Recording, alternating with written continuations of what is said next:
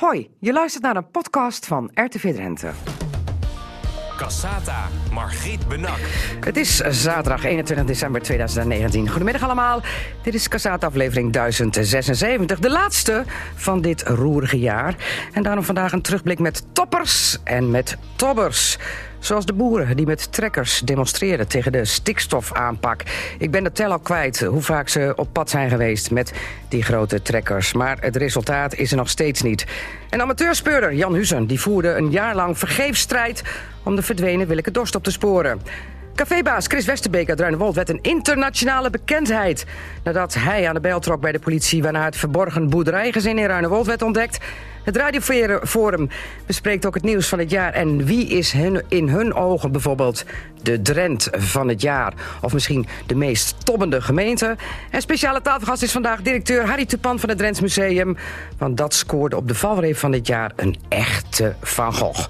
Dat straks allemaal in de eindejaarskasata. Cassata, Margriet Benak. Ik ben de tel kwijt, maar de trekker beheerste toch wel het nieuws dit jaar. Want boze boeren demonstreerden veelvuldig tegen de stikstofaanpak. Deze week was er nog massaal protest en stonden de wegen in Drenthe ook uh, voor enige tijd vast. Maar zijn de boeren daar nou ook echt iets mee opgeschoten? Wat zegt uh, Roy Meijer van het uh, Drents Agrarisch Jongerencontact dan? Jawel, dat denk ik wel. Ja? ja? En wat zegt Jos Ubels dan als vicevoorzitter van... Ik moet ik altijd even nadenken. Farmers Defence, Farmers Defence Force. Ja, lekker zo'n Drentse benaming, hè Jos? Ja, wat zeg, Nee, je, wat zeg jij dan? Nog lang niet genoeg, maar wel al veel. Nog lang niet genoeg, maar wel veel. Het was in ieder geval een roerig jaar voor de boeren. Uh, sinds uh, 30 jaar kwamen ze allemaal weer met de trekker uit de schuur de weg op. En dat is uh, lang niet uh, zo geweest. Maar straks praten we verder, mannen. Jonge boeren hier in de Casata-studio. Ook over jullie toekomst. En of jullie er nog wel zin in hebben eigenlijk om boer te zijn met al die regels. Maar eerst even naar onze speciale tafelgast van vandaag. Want u kwam erachter dat hij eigenlijk dit jaar nog geen tafelgast was geweest. En Harry Toepan, directeur van het Drenthe Museum, vindt dat toch altijd wel heel erg leuk om tafelgast te zijn. Toch? Ik vind het altijd leuk om bij RTV Drenthe te zijn, uh, ja, Margriet. ja, ja. Maar um, uh, ja, jij straalt, want het was natuurlijk een stralend jaar. De Van Gogh is binnen sinds maandag, de Drentse Van Gogh. Het, moet ik even nadenken hoor, het onkruidverbrandertje. Dat is de titel die jullie bij het schilderij hebben gezegd, uh, gezet. Hoeveel mensen zijn er nou uh, sinds uh, afgelopen dinsdag... want toen is het uh, officieel opgave voor het publiek... zijn er geweest voor Ja. speciaal het onkruidverbrandertje? Vele duizenden. Ik, de, de eerste dag, zeg maar dinsdag, dus nadat we hem gepresenteerd hadden... zijn er al meer dan 1000, 1100 uh, ja, binnen geweest. Dus ik, ik, denk in totaal nu wel 3, 4, 5000 of zo. Ja, ja, en die komen dan speciaal naar Assen toe vanwege de Van Gogh? Het, allemaal naar het onkruidverbrandertje toe. En dat vind ik wel heel gaaf natuurlijk. Want je koopt een heel duur schilderij, ja, daar ben ik me ook heel erg bewust. 2,8 miljoen Dat kost euro. allemaal een hoop geld. En, Voor zo'n klein uh, ding? Dat is een heel klein dingetje, maar weet je... Uh, van Gogh die is niet zomaar naar Drenthe toe gegaan in, uh, in 1883. Dat deed hij al omdat hij onze provincie ja, toen al heel bijzonder vond. Daar was hij trouwens niet de enige uh, uh, in. veel schilders kwamen naar Drenthe om de schoonheid die hier nog steeds is... om die ja, op het doek en op het paneel vast te leggen. En dat vind ik ongelooflijk gaaf. En nog gaver vind ik dat zoveel mensen nu ook van buiten Drenthe hier naartoe komen... om te zien hoe mooi we zijn. Ja, maar enig idee waar de meest verre klant deze week vandaan kwam? Oh, ze- komen echt overal vandaan, vanuit van Limburg, vanuit Zeeland, eh, uit heel Nederland. hè. We monitoren dat, want we vragen vaak de postcode om ook een beetje een inzicht te krijgen van waar onze klanten, onze bezoekers vandaan komen. Dus we weten heel goed van ja, waar onze mensen vandaan komen, Ja. onze bezoekers vandaan komen. Maandag kwam eh, dat schilderij Ja. dan, in stilte. Hij, hij was al eerder, hij is vrijdag. eh, Al vrijdag daarvoor. gekomen. Ja. Nou, wij mochten in ieder geval van RTV Drenthe niet de aankomst filmen. Nee, dat lijkt mij ook heel goed. Waarom was dat? Nou ja, weet je, dit soort, het zijn toch kostbare dingen. En uh, die wil je op een hele goede, zorgvuldige wijze, uh, wil je die, uh, ja, um, naar het museum laten komen. Kijk, je moet je voorstellen, zo'n schilderij zit in een hele speciale kreting, in een kist. Die kist is geklimatiseerd. Als hij in het museum komt, mag hij ook niet gelijk op zaal. Dan moet hij eerst in een speciale ruimte even een beetje bijkomen van de reis. Dat betekent dat we de temperaturen helemaal gewoon op goede niveau moeten zien te krijgen. En dan pas, als hij geacclimatiseerd is, dan mag hij de zaal op. En als we hem dus, hè, maandag hebben gepresenteerd, dan heeft hij een paar dagen nodig om even bij te komen. Bij te komen, Ja. een schilderijtje wat Ja, bij moet komen. Maar moet ook zo ver weg kwam het schilderijtje niet. Want uh, weliswaar was hij bij Sotheby's op de veiling in New York. Maar hij was al lang van New York verscheept naar, of gevlogen natuurlijk. Niet verscheept, want anders was het er nu nog niet geweest misschien. Naar uh, het Van Gogh Museum in Amsterdam. Ja, dat Want klopt. die hadden hem al even grondig bekeken. Nou ja, ze hadden hem voor die tijd al grondig bekeken voordat hij op de veiling kwam. Dus dat hoefde niet meer. Maar, er is nog wel een tussenstopje geweest, toch? Jawel, Tussen, maar, oké. maar, maar, maar wat we dan altijd doen, we maken dan nog extra conditierapporten, zo heet dat. Dus dan kijken we eh, ja, nou, of, er nog, of er nog dingetjes allemaal keren. Of Zit er nog een vlekje aan of zo? Nou ja, dat is, kijk, het, het zijn hele bijzondere dingen, Margriet. En, en Van Gogh, dat is echt, ja, dat... Kijk, ik werk al bijna 40 jaar in het museum. Het, het is, het is mij, ja, nog één keer eerder natuurlijk. Want we hebben, we hebben een keer eerder Van Gogh gekocht. De niet op deze manier. En dit is, dat is voor ons allemaal, maar voor mij persoonlijk ook heel bijzonder... dat, je, dat zoiets je overkomt. Maar even je vraag. Hij ging dus inderdaad van... Hij is verscheept van New York eh, naar eh, Amsterdam. Daar heeft hij ook natuurlijk moeten acclimatiseren. Hè, zo Ja. Maar bovendien is, daar ook, eh, is hij opnieuw gelijst. Hè, dat moest, want anders kon hem niet ophangen. Oké. Een los paneeltje. En, Hey, mooi, Lizzie de Romain. En Melise de Romain, uh, klorist. Maar wat was jij trots daar? Want er was een livestream met de presentatie. Wat was jij daar toch trots als directeur dat jullie dat onkruidverbrandetje konden presenteren? Maar ja, weet je waar ik meest trots op ben? Uh, niet zozeer voor mezelf uh, als wel voor het museum, maar vooral omdat we hem in Drenthe hebben kunnen houden. Al is het maar voor de helft, want we weten allemaal dat we hem samen met het Van Gogh Museum Amsterdam hebben gekocht. Maar dat vind ik ook heel bijzonder. Hè? Dat is een creatieve oplossing. Ja, maar het is ook een wereldspeler. Hè? Het is een uh, museaal gezien waar, waar, waar, een, waar een paar miljoen mensen, over de 2 miljoen mensen per jaar komen. Dus dat, dat, is, dat is wel een heel bijzonder level.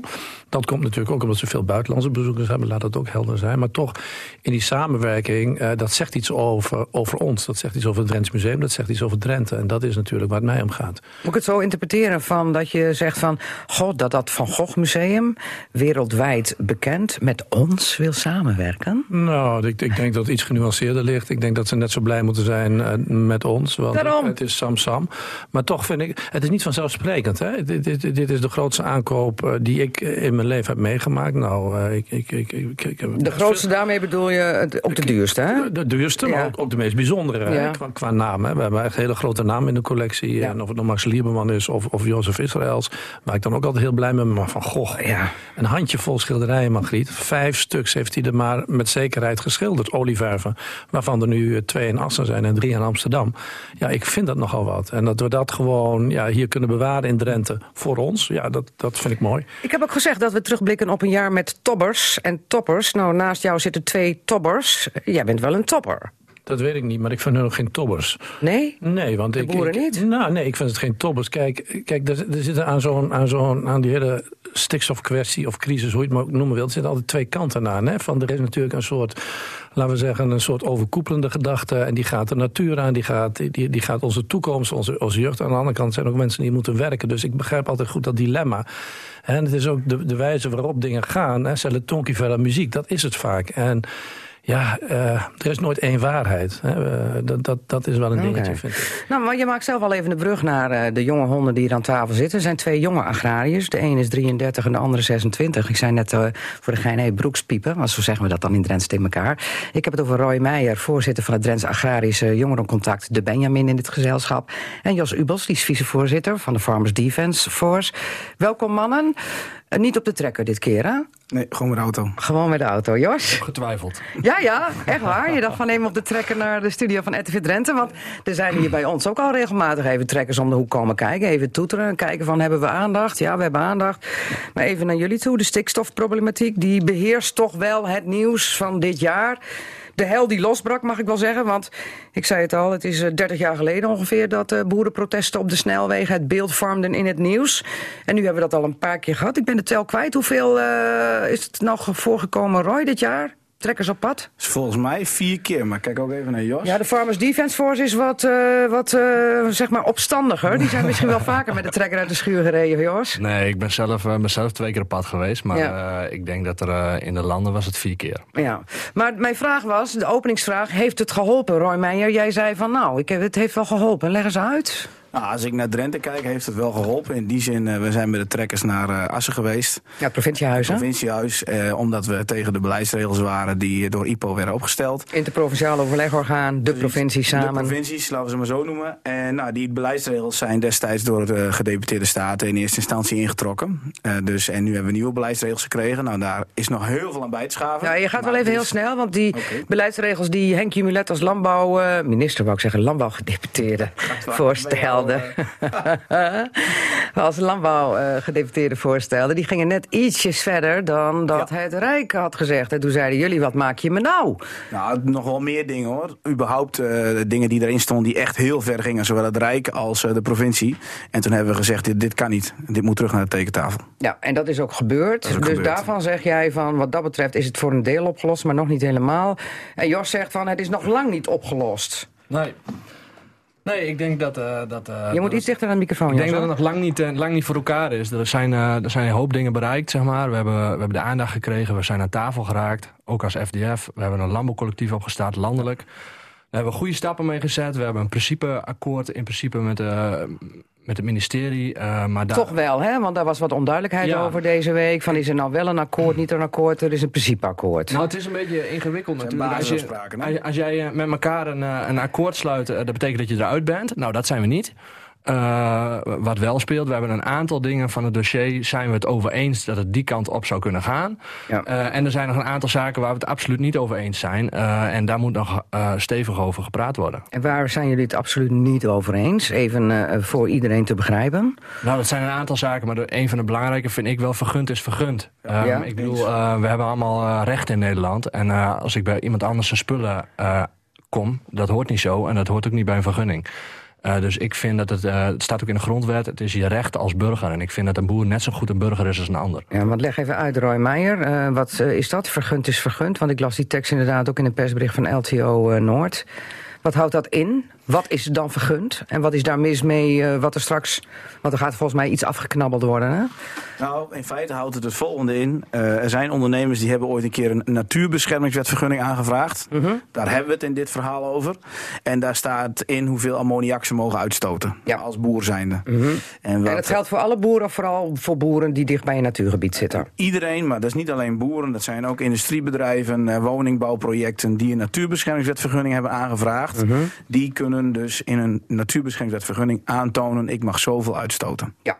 En wat er in die vergunning staat, daarvan zegt het collectief... en zeggen wij ook met elkaar van, hey, dat is vergund. Ja. En die ruimte die is ruimte er, die is mogen we houden. En het die hebben, moet die hebben is hebben. Uh, hebben is hebben, Hebben is gekregen is gekregen. Ja, oké. Okay, ja. Maar uh, daarvan wordt dan iets afgeknabbeld? Maar dat willen Ja, ze, hè? dat willen ze. Ja, ja, leg eens uit. Hoe gaat dat dan? Nou, kijk, ze willen heel graag uh, meer ruimte creëren in Nederland. Uh, er, is, er is te weinig stikstofruimte nu, uh, volgens de plannen. Um, ik zeg, moet je eerst even fatsoenlijk gaan meten. Want de metingen die, die hebben een afwijking van 70% tot 100%. Nou ja, dat, als ik op school zo met mijn, met mijn resultaat nog ging, dan, dan kwam ik er niet. Maar daar moet eerst fatsoenlijk naar gekeken worden. En als er dan nog blijkt dat er in de landbouw wat te halen valt... Uh, dan snap ik dat. Maar tegelijkertijd moeten we ook eerst in kaart brengen wat de rest van Nederland uitstoot. Ik bedoel, er zijn veel industrieën uh, die, die van alles uitstoten, maar niet een vergunning ja, hebben. Ja, oké, okay, maar jullie, er is wel een cirkeltje gemaakt, hè, waarbij je ziet. Uh, wat is het aandeel wat de boeren uitstoten aan stikstof? Ja. Dan heb je nog de industrieën, dan heb je nog het autoverkeer, dan heb je nog het vliegverkeer. Ja, maar, ja, maar, maar dan hebben jullie wel een. is een dan is de cirkel wel een. Okay. Het is een drogredenatie dat op het moment dat jij vergund is vergund houdt, dat er meer uh, dieren komen. Want we hebben niet alleen ammoniakrechten, we hebben ook fosfaatrechten, we hebben pluimveerechten, we hebben varkensrechten. En kort gezegd betekenen die rechten dat er al een plafond zit op de ja. hoeveelheid dieren in Nederland. Nee, maar je kunt niet maar meer die dieren die worden misschien uitbreiden. dat kan niet. Nee. Ze worden misschien verschoven van de ene boerderij naar de andere boerderij, maar als ze naar de andere boerderij gaan, dan zijn ze bij de ene boerderij weg. Ja, er worden Alleen geen we doen extra net dierrechten. alsof er extra ja. dieren bij komen en dat is gewoon een drogredenatie. Nee, nee, dus eigenlijk de een zijn dood is de ander zijn brood. Als de ene boer zeg maar in de buurt doodgaat, dan kan een andere boer in de buurt die rechten overnemen. Ja. Maar daar wil de provincie en het Rijk aankomen, want die willen daar zoveel procent van afhalen. Ja. Want ze moeten toch ergens dat stikstofgehalte omlaag drukken. Dus ergens moet het wegkomen. Nou, is, is dat zo? Hè? Want ja. Jos, zeg maar. Ja, ik, ik breek in, maar nee, tuurlijk. Ik, ik word daar fel van. Want dan denk ik, ja, uit de nieuwe cijfers van het RIVM... die, die, die eindelijk met de billen bloot moet. Uh, dat ook, is het meetinstituut van het Rijk, hè? Ja, dat is ook goed. Ik bedoel, daar zijn we ook met de trekkers heen geweest. En blijkbaar, je vroeg aan het begin, heeft dat resultaat opgeleverd. Nou, die moet nu eindelijk met de billen bloot. Hebben we ook gedeeld dat ik aan het Mesdagfonds te danken... die daar een stokje voor steekt. Mm -hmm. um, Maar het komt erop neer dat dus eh, eh, de boeren eh, die onder de 10.000 kilogram ammoniakuitstoot zitten, zeg maar, die worden allemaal gewoon keurig meegerekend. Of je nou eh 10 koeien hebt of 100 koeien, dan heb je allemaal een vergunning voor nodig. Terwijl als je kijkt naar de industrie, alles onder de 10.000 kilogram. Nou, ik weet zo niet uit mijn hoofd hoeveel koeien dat zijn, maar volgens mij komt dat dicht richting de 400 koeien. Dat wordt bij de industrie niet meegeteld. Dus als je een industrieel bedrijf hebt en je stoot onder de 10.000 kilogram uit, dan telt dat niet mee. Nou, Oh. alleen in Brabant, het is inmiddels zijn we daar druk mee om dat goed in kaart te brengen. Dus bij de boeren wordt het meegeteld, maar bij de industrieën niet. Nee. Eh, En maak van die 400 koeien maar 800 koeien. Oké, oké. Maar goed, eh, eh, daarmee zeggen jullie van eh, gelijke monniken, gelijke kappen. En dat, dat is niet zo. En Dat en ook op een gegeven moment, wat voor een probleem zijn we aan het oplossen? Hè? We zijn een probleem aan het oplossen dat er vergunningen verleend kunnen worden. Dat Mhm. is de kern van de discussie. Er is één club geweest in Nederland, de MOB. Die heeft Wie is het dat, MOB? eh, Mobilisation for the Environment. Ehm, van, Vol, van, van Johan Volbroek is dat Ja, dat mij. is de man die ervoor gezorgd heeft dat dit allemaal explodeerde. Omdat namelijk. Hij heeft een rechtszaak de pas gevoerd. Is, en de, pas, de pas is afgeschreven. Precies, hij heeft een Programma rechtszaak- aanpak stikstof. Precies, hij heeft een rechtszaak gevoerd eh, tegen het systeem. Die maakte dat vergunningen Ja. verleend kunnen worden. Dat was afgeschoten. Het land kwam in rep en roer. Want geen MB-vergunning betekent in principe... of je nou een weg wil aanleggen, een stal wil bouwen... of een woonwijk wil aanleggen, dat gaat niet meer door. Met andere woorden, als je Niks dat niet meer. binnen een half jaar oplost... dan heb je een economische crisis. Maar in principe heeft de Raad van State gewoon gezegd... dat systeem, dat geldt niet meer. Jullie moeten wat nieuws verzinnen. Ja. Toen is er een commissie in het leven geroepen, de commissie Remkes. Ja. Die heeft gezegd, uiteindelijk als we hiervan af willen... moeten we naar een niveau dat de plantjes in het natuurgebied... niet zoveel last meer hebben van stikstof. Maar Ja. dat is allemaal lange termijn. Mhm. Als we puur naar de juridische kant van de zaak kijken... is het gewoon, vergund is vergund... en je mag geen toename hebben. Nou, ik heb net al uitgelegd, die toename die komt er niet. Nee, nee, maar zij willen juist afname. En op het moment dat een boer stopt, dan willen ze daar een stukje van afpakken. Maar zodat dat is gewoon inkrimping van de veestapel. Niet Toch meer en niet minder dan en dat. dat willen jullie niet. Is het Nee. nog wel leuk, Jors, om boer te zijn? Nou, eh, Jij bent een natuurboer in het Drentse A-gebied. Ja. Regel op regel op regel. Eh, je moet zelfs met de trekker op pad om te protesteren. En dan denk ik, wat, wat is dit voor jaar? Voor Nou, jou? Momenteel, is het niet leuk. Ik bedoel, dat is heel simpel. Ehm, eh, ik wou, want ik, ik zat net heel mooi te luisteren naar het verhaal over, de, eh, over ons, mooie, ehm, eh, ons mooie museum. En eh, zoveel trots als die man uitspreekt over zijn museum, over de kunststukken. Waarom spreekt onze regering eh, die trots niet uit over de boeren? Ik zeg, want we hebben wel dit land opgebouwd. Eh, na de oorlog is er een hoop gebeurd. En eh, dat is te danken aan de boeren. Die hebben heel hard gewerkt, heel veel voor elkaar gebokst. En nu worden we in de hoek gezet alsof we minderwaardig zijn. En daar zijn we gewoon spuugzat van. Ja, ja, dat is wel duidelijk. Ja. Ja. En eh, zo denk jij er ook over, Roy? Nou ja, kijk, eh, eh, ik denk dat het wat dat betreft wel een bijzonder jaar is geweest. eh, zeker voor de boer zelf. We zijn begonnen met de stalbezetting in Bokstel. Dus mensen die dringen jouw stal binnen en daar, daar, daar, daar- wat kun je daar tegen doen? Ja. Vervolgens komt er een, eh, een uitspraak van de Raad van State die zegt... nou, het hele stikstofsysteem, dat hebben we maar even afgeschoten. Nou ja, en vervolgens zit er iemand in de Tweede Kamer van D66 die roept... nou, de helft van de veestapel die kan wel weg. En GroenLinks die doet daarin mee. Ja, dan is op een gegeven moment wel de vraag als jonge boer... ben jij nog, eh, wil het land jou nog wel hebben? ben Kijk, ik wel gewenst? ben ik wel gewenst. En dat klinkt een beetje zielig, maar je kan hem ook omdraaien. Kijk, jonge boeren van nu, die kiezen er bewust voor. Het is niet dat ze zeggen, joh, we doen maar wat, pa is boer, ik doe het ook wel even. Nee, het is een bewuste keuze. Want je bent gewoon ondernemer de en je hebt te de tijd maken is met heel regels. ernstig veranderd ten opzichte van de vroegere boer en de boer nu. Want je bent eigenlijk een soort eh, ad- administratiekantoor erbij. Nou ja, je moet gewoon zorgen dat jij eh, je dingen voor elkaar hebt. Zo simpel is dat. Nou, en, maar goed, dan is wel even de vraag. En die komt bij heel veel eh, van mijn collega's ook op. Van, en waar doe ik dat dan? Doe ik dat dan in Nederland? Of ga ik bijvoorbeeld naar landen zoals Frankrijk... die heel blij zijn dat de jonge boeren op het platteland komen wonen. Sterker nog, daar komen gewoon subsidies van de overheid. Want die boeren moeten het platteland daar leefbaar houden. Want daar vindt gewoon een hele sterke urbanisatie plaats. Ja, maar we moeten denk ik Jas ook wel een beetje terug naar, naar, ehm, eh, naar de basis. Kijk, we, iedereen praat erover. eh wij worden al toppers genoemd hier in de uitzending. Kijk, ik, ik, Ja, maar ik, jullie klink, ik klink ook wat. En jullie zijn ook toppers, want jullie twijfelen of je in de toekomst wel verder kan op deze manier als wij boer. zijn Nee, nee, nee, nee. Wij, wij, vechten, wij vechten daar heel voor, hard voor. En eh, wij kunnen, er is ook ruimte voor de boeren in Nederland. Ehm, en we moeten nu ook niet doen net alsof eh, ehm, de hele maatschappij tegen ons is. Zo is het niet. Nee, nou, dat Eh, beeld, het beeld is juist positief voor jullie. Precies. zelfs mensen die een uur lang in de file staan, die zeggen, ik heb het begrip voor. Het zijn, het zijn eigenlijk beleid. maar een paar, een paar politieke eh, uitspattingen die er gedaan zijn. En eh, die, die willen ze doordrukken. Eh Tjeerd de Groot was die beste man die, eh, na, het D66, quotum, zei- die na ja. het quotum zei tegen de boeren toen hij nog, eh, nog voorstander voor de boeren was. Toen zei hij van, eh, misschien moeten we vol gas geven, er kan nog wel 20% melk bij.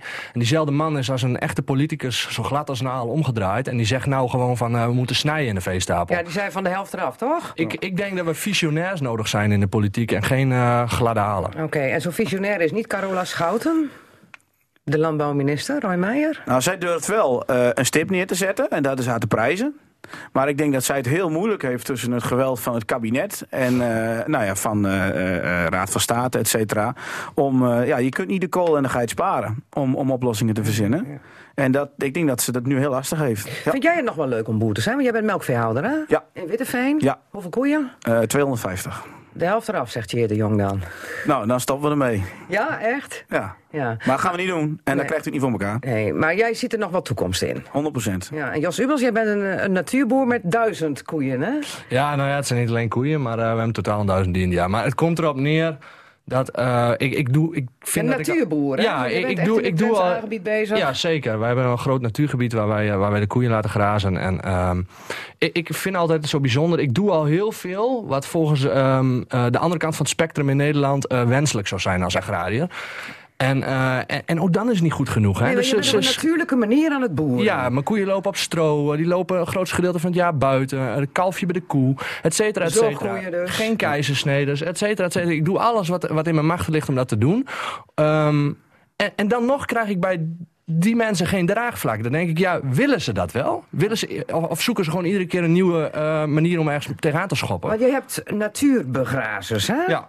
En eh, in de natuur daar heb jij al zelf al gemerkt van de, de, de plantjes en de bloemetjes en eh, weet Ja. ik veel niet wat, die Ja, het- bloeien daar helemaal op in het Ja, Drentse weet je wat het is? stikstof is zo'n gigantisch probleem. En je hoort net uit de getallen. Ik bedoel, we hebben Ja. best een groot bedrijf. En we zitten eh, op een hele kleine afstand van het natuurgebied. Bij mij groeit eh eh, zonnedauw. Ik bedoel, eh, die, die, die zou heel gevoelig zijn voor stikstof. Nou, hij komt bij mij eh, ieder jaar meer voor. Gevleugeld hertzooi, ook een eh, stikstofgevoelende plant. Gevleugeld hertzooi. Oh, Ook een, eh, een gevoelige plant en die groeit er gewoon. Eh, ik denk dat we eerst eens beter moeten kijken wat de werkelijke effect van de stikstof van de boer is op de natuur. Want ik denk dat het meevalt. hoe moet het nou verder, Roy Meijer? Want jullie hebben een principeakkoord Mhm. met het ministerie. Ehm, wat moet er allemaal nog voor gebeuren? Wil het een akkoord worden? Nou, ik denk in eerste instantie dat wij ook als boeren niet moeten vergeten wat voor producten we maken, hoe trots we erop moeten zijn. Ja. Want in de hele wereld vraagt men naar Nederlandse landbouwproducten. ja, daar heeft ook al iemand in de Kamer van gezegd... we hoeven niet meer de nummer twee van de wereld te zijn. Het kan wel een tandje minder. Maar als de vraag er is en de uitkomst is dat je nummer twee bent en je kunt het leveren op een duurzame manier, want dat doen wij Ja. in Nederland. We zijn heel efficiënt, ook qua footprint. Iedereen kijkt jaloers. Dan mogen we daar trots op zijn. En als dat dan betekent dat we de tweede exporteur zijn, nou zo be it. Maar het lijkt er een beetje op alsof de boeren worden weggezet... als, de, eh, als, als een soort milieucriminelen, zeg maar. Hè? Nou, dan moeten ze eens bij boeren in het buitenland kijken hoe dat daar gaat. Dan ben ik benieuwd wat ze gaan zeggen. Nou ja, hoe kijk jij daar tegenaan, Jas Immels? Ja, we hoeven niet meer nummer twee te of we hoeven niet meer nummer één te zijn. We kunnen best de, de tweede zijn. Het is allemaal bullshit. Want het komt erop neer dat we willen met de luchthavens willen we wel nummer één zijn. En volgens mij is een vliegtuig een stuk eh, eh, slechter voor het milieu als mijn koeien. Ja. En als zij eh, daarvoor wegkijken en allemaal wel in het vliegtuig stappen en eh, keurig mijn vlees eten en onze melk drinken, dan moeten ze hun mond houden. Nou, is het nog niet helemaal klaar? Is, is volgende actie alweer op stapel, Roy Meijer? Of eerst maar eens even gewoon weer praten? Nou, eerst is het kerst en oud en nieuw. Ja. En dan, eh, lekker ik weet niet vlees op met Jas is, maar dan eh, en, eh, is het op dat vlak bij ons in ieder geval even rust in de tent. En eh, we zullen gewoon met, eh, eh, met de minister en met de gedeputeerden opnieuw om tafel moeten om te kijken wat wij eh, verder kunnen betekenen voor elkaar. Maar dat het nog niet klaar is, dat is helder. ja. Wat extremer is de club van Farmers Defence Force, zeg ik dan heel eerlijk. Want jullie zijn wat... Standvastiger, denk ik. Jullie zijn wat standvastiger, oké, maar jullie gaan wat sneller met de trekker op pad dan eh, LTO of de DAJK. Nou, we zijn tussen kerst en oud en nieuw wel gewend dat we moeten werken. Dus eh, misschien doen we nu ook wel wat. Ja, nee, want er, staat, er is alweer wat aangekondigd, toch? Jullie hebben alweer wat gekieteld dat er weer een actie Ja, komt. kietelen doen we wel vaker. Maar eh, eh, of er wat aankomt zit te komen, daar hou ik nog even stil. Want dat weten we ook nog niet zeker. Maar eh, wij denken nu dat het moment is dat er duidelijkheid moet komen. En ehm de minister moet slagvaardig zijn en, en daadkrachtig. En die moet gewoon zeggen hoe het moet. En die moet niet een beetje lafjes eromheen draaien. En we hebben een akkoord, maar toch weer niet. Die moet gewoon bam. Voor de kerst nog. Nou, wat mij betreft wel. Ja, dus de Ja. trekker gaat weer op pad. Nou, weet ik niet. Ik denk niet dat we voor elkaar krijgen dat ze voor de kerst... eh, ze, ze zag er nogal slecht uit op een foto. Ze zei, ik ben toe aan kerstreces, dus ik ho- Nou, zal volgens mij is ze nou tegenvallen. vakantie aan het houden hoor. Dus Ja, er gebeurt niet zoveel. Even, het even vooruitblik 2020. Wordt het dan opgelost, eh, Jos Ubels? Nou, dat zou moeten, toch? Ja? Ja. Ja, en anders gewoon weer de trekker, hè? Dat is een machtig middel. Een machtig mooi middel, zeggen sommigen wel. Ja, machtig mooi is hij zeker. Ja, en wat zeg jij nou, Roy Meijer? Moet dan de trekker weer op pad 2020... als het dan toch niet in januari opgelost is? Nou, laten we hopen dat dat niet nodig is. En eh, het moet opgelost. Wa- waarom? Anders dan staat onze economie gewoon over een paar maanden stil. Is het nou een jaar wat jullie het liefst zo snel mogelijk vergeten, 2019? Omdat het toch eigenlijk wel...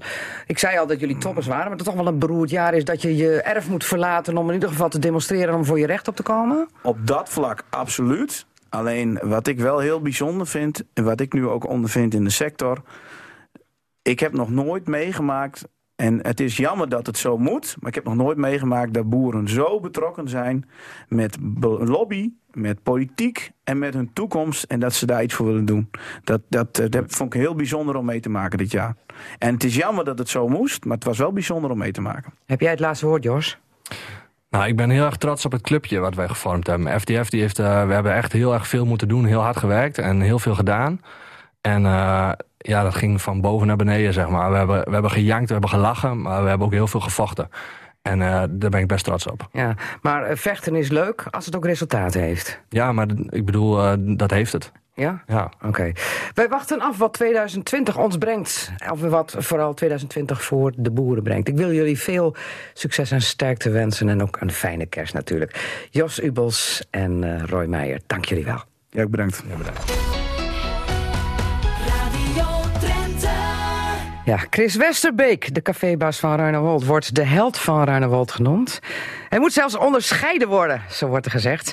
Want hij was degene die de politie alarmeerde... waarna de bizarre ontdekking werd gedaan van een verborgen boerderijgezin... in een afgelegen boerderij.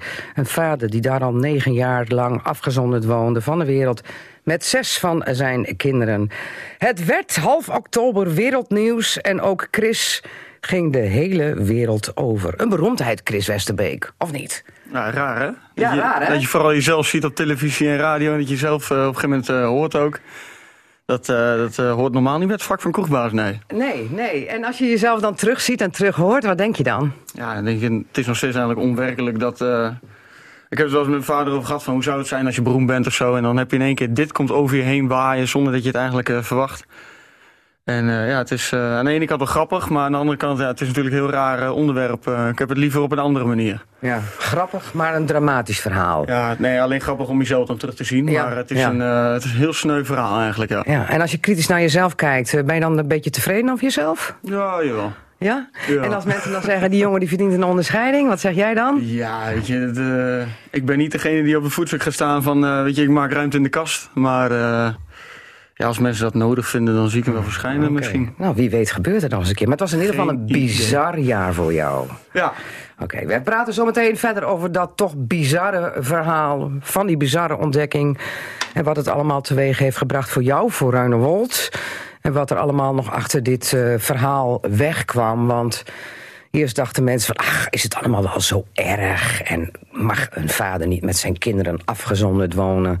Maar als je dan eh, gaandeweg het proces allerlei zaken hoort waar de vader van beschuldigd wordt, dan denk je toch elke keer maar weer goed dat die Chris Westerbeek toen de politie heeft gebeld. Of niet, Harry Toepan, speciale tafelgast van vandaag? Jazeker, want dit is natuurlijk een he- hele heftige kwestie. Hè? Kijk, ik ken Ruinewald best een beetje, eigenlijk alleen maar van het Golden Anti. Maar dan heb je opeens heb je iets heel anders aan de fiets hangen. En dat is toch wel een ongelooflijke heftigheid. En als dat dan ja, door zo'n jonge kroegbaas ja, goed wordt opgepakt... en eh, ja, dat wereldkundig wordt gemaakt, daar, ja, daar moet je blij mee zijn. Want ik ken de impact niet van het hele verhaal natuurlijk... van hoe de, hoe de status nu, hoe de stand nu is. Maar dat het iets, eh, iets, iets is wat, wat niet helemaal zuiver is, dat uh, denkt mij toch ook. Ik kan wel zeggen tegen jou, en het klinkt misschien een beetje lullig... dat uh, de zaak Ruinewold wereldwijd veel meer aandacht heeft gehad... dan de aangekochte van Gogh van jou. Ja, maar je kunt beter andersom hebben.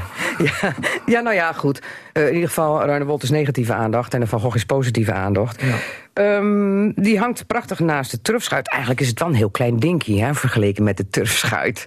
Ja. Die andere van Gogh. Ja, maar, maar eh, groot is niet altijd beter, eh Margriet. Dus, eh, ik, Ik kan daar een heel leuk grapje over maken, maar dat doe ik maar niet, want Karel Post duikt al bijna weer onder het mengpaneel. Een mooi schilderij is gewoon een mooi schilderij. En dan doen formaten er echt niet toe. Ja, ja. Maar goed, dat verhaal, het Van Gogh-verhaal, overheerst het nieuws. Maar dat komt omdat het vers in het geheugen ligt. Maar er was natuurlijk meer in het Drents Museum aan de hand. We hadden natuurlijk de Italiaanse kunstwerken van Sprezzatura...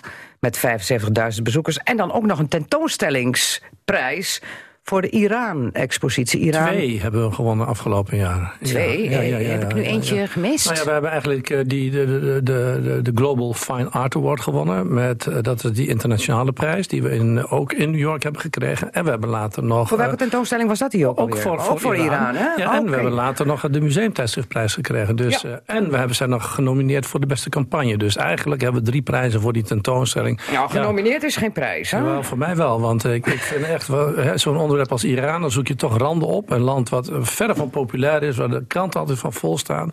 En dat je toch op, eh, op, zeg maar, op deze wijze weer, weer aansluiting eh, kunt vinden door middel van beeldende kunst en, en archeologie. Ja, dan, dan ben ik er wel heel tevreden over. Oké, maar als je nou kijkt naar Sprezzatura, hè, dat was Mhm. een, een tentoonstelling met uit mijn hoofd 69 Italiaanse schilderwerken. Ja.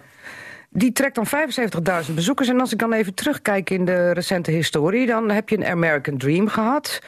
Eh, die 130.000 bezoekers trok. En dan Iran-expositie van 115.000. Is dan Sprezzatura dan toch niet een beetje te weinig bezocht? Nou ja, als je of ben ik kijkt. nou te eh, negatief? Nee, je bent, je bent niet negatief. Maar als je dan kijkt van, laten we zeggen, van voor 2011, voor de, voordat we dit nieuwe gebouw erbij kregen, zaten we gewoon gemiddeld misschien op tussen de 70 en 100.000 bezoekers. Dus alle Over cijfers. een heel jaar, hè? Over een heel jaar. Is heel relatief. Dus 75.000 bezoekers, dat is nogal wat. Voor de tentoonstelling een half jaar, hè? Voor een half jaar. Ja, ja, ja. Maar 2018, vorig jaar, was een recordjaar met 235.000 mensen. Wat wordt 2019 nou, Nou, niet te bang? 2019 eh, wordt een jaar met ruim 170.000 bezoekers. En eh, daar zijn we heel, heel tevreden over. Want het is ruim meer dan eh, het gemiddelde dat we eh, als organisatie moeten halen. En ik, ik ben Want dat is het gemiddelde wat je moet We halen? moeten zeker 150.000. Dat, is, dat is gewoon de streep. Mhm. En waar ik dan heel blij mee ben, is dat eh, zelfs eh, door onze verbouwingen is de archeologie dicht. Dus er is relatief weinig te zien op dit ogenblik, laat ik daar eerlijk in zijn. Dus we, Dat is, dat is eh, al vanwege de grote Drenthe-expositie die Nee, er dat, dat, gaat is, komen? dat is vanwege. We, we hebben een, een, een, een, een, investeringsprogramma met de provincie. waarbij we zeg maar, een aantal verbouwingen eh, doen. Komen straks nog wel over te spreken, Helemaal goed. uitgebreid. Hè, dus, dus, dus collecties zijn eruit. Dus er is dus hoegenaamd in de oudbouw niets te zien. Nou, dan heb je alleen maar de tentoonstelling. Supergoed. Dat is één. En de tweede is eh, dat we natuurlijk nu een tentoonstelling hebben gemaakt. helemaal uit eigen collectie. En die heet Barbizon van het Noorden. Ja. En, eh, Met schilderwerken over eh, de Drentse natuur. Zeker. Ja. Het sluit mooi aan bij we het net over hadden Ja. natuurlijk. En, en dat is eigen collectie. Dus dat is ook een hele kostenbesparingspost. Kijk, en daar wou ik nu even naartoe. Goedkope collectie. maar ja, Natuurlijk, er want- zit wel een 2,8 miljoen kostende Van Gogh nu Ja, tussen, hè? zit er buiten natuurlijk. maar dan, als je dingen uit eigen collectie kunt doen... dan hoef je niet duur te verzekeren. Dan hoef je geen transport te doen. En eh, het gevolg daarvan is dat wij zwarte cijfers draaien. Ik had ook een hele dure tentoonstelling uit het buitenland kunnen halen. Ja, maar dat kun je ook niet elk jaar doen Nou ja, natuurlijk, dat hè? kan wel. Want, maar dan schrijf ik rode cijfers. En dan haal ik weer 230.000 mensen. En dan roept iedereen hoera. Eh, maar ik, die heb je dan ook echt nodig om in ieder geval nou ja, te zorgen geld, dat het een geld, beetje geld uitkomt. maakt dat je hele grote dingen kunt halen. En soms is het ook heel goed om even pas op de, plaats, eh, op de plaats te maken. En door middel van je eigen collectie Ja. zo'n super tentoonstelling te maken. Want die is heel groot opgepakt, ook in de landelijke pers. 170.000 bezoekers, daar denk je op uit te komen einde dit jaar.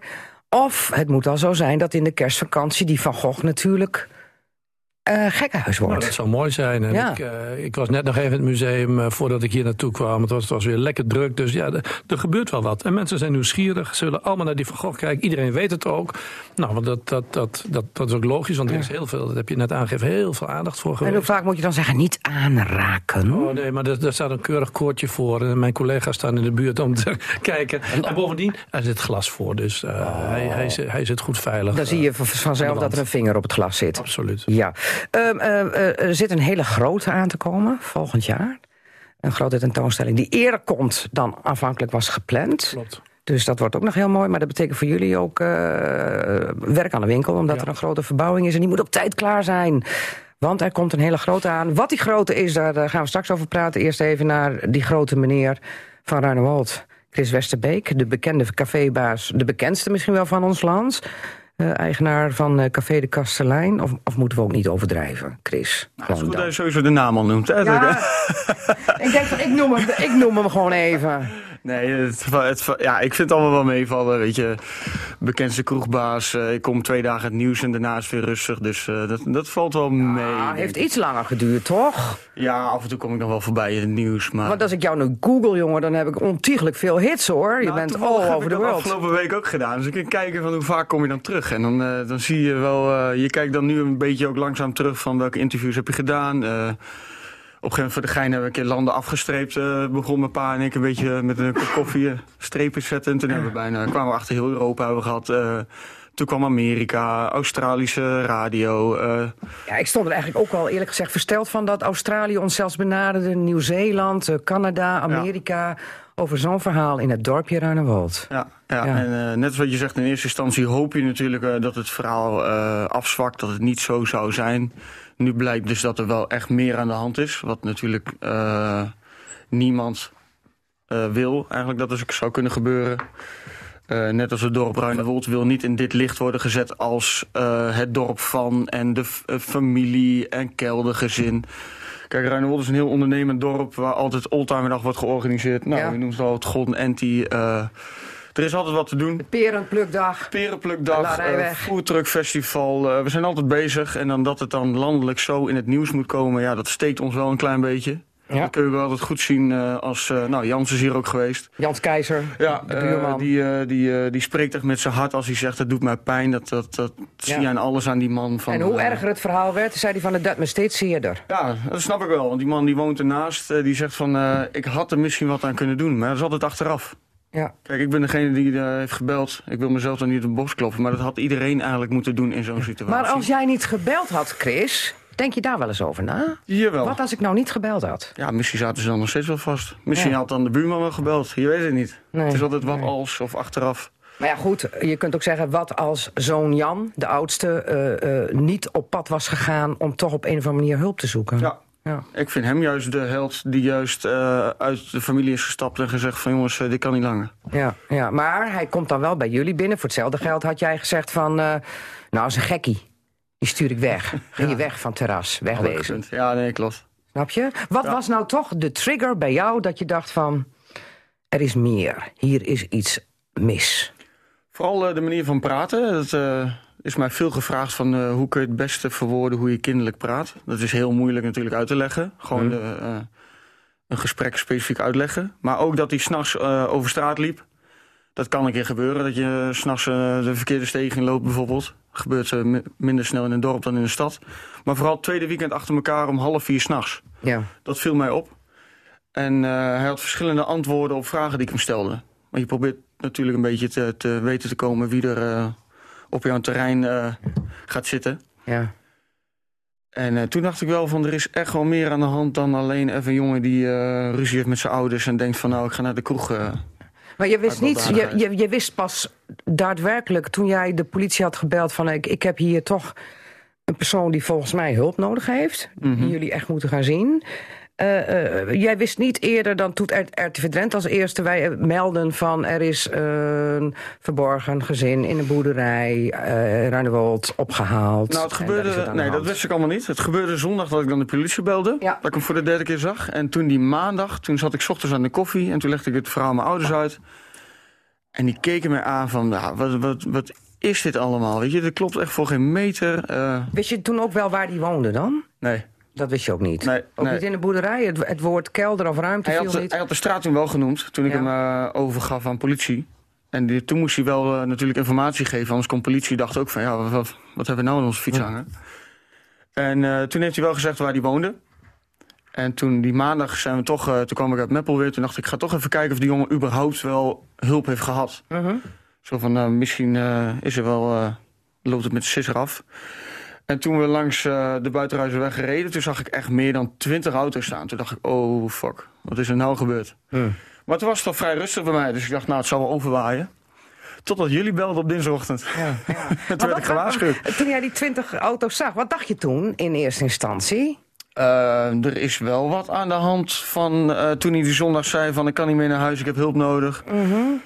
En toen ik maandag die 20 auto's zag, toen dacht ik wel, ja, er is wel wat in huis wat daar normaal niet af kan spelen. Maar dacht je toen ook van gelukkig, de politie is Ja. er en die hebben nu de boel in de gaten? Tuurlijk, als, als gewoon een normale inwoner verwacht je dat de politie dat wel normaal oplost natuurlijk. Dat ze hen wel hulp bieden en niet... eh, Nou ja, daar, de- daar denkt buurman Jans Keizer anders over. Want die had al, eigenlijk al gedacht dat de politie al eerder daar binnen zou eh, zijn gevallen. Omdat Ja, hij dat daar klopt. vaker een politie had gezien. En die schrikt dan uiteindelijk wat daar hè, uit die boerderij tevoorschijn komt. Een gezin met zes kinderen.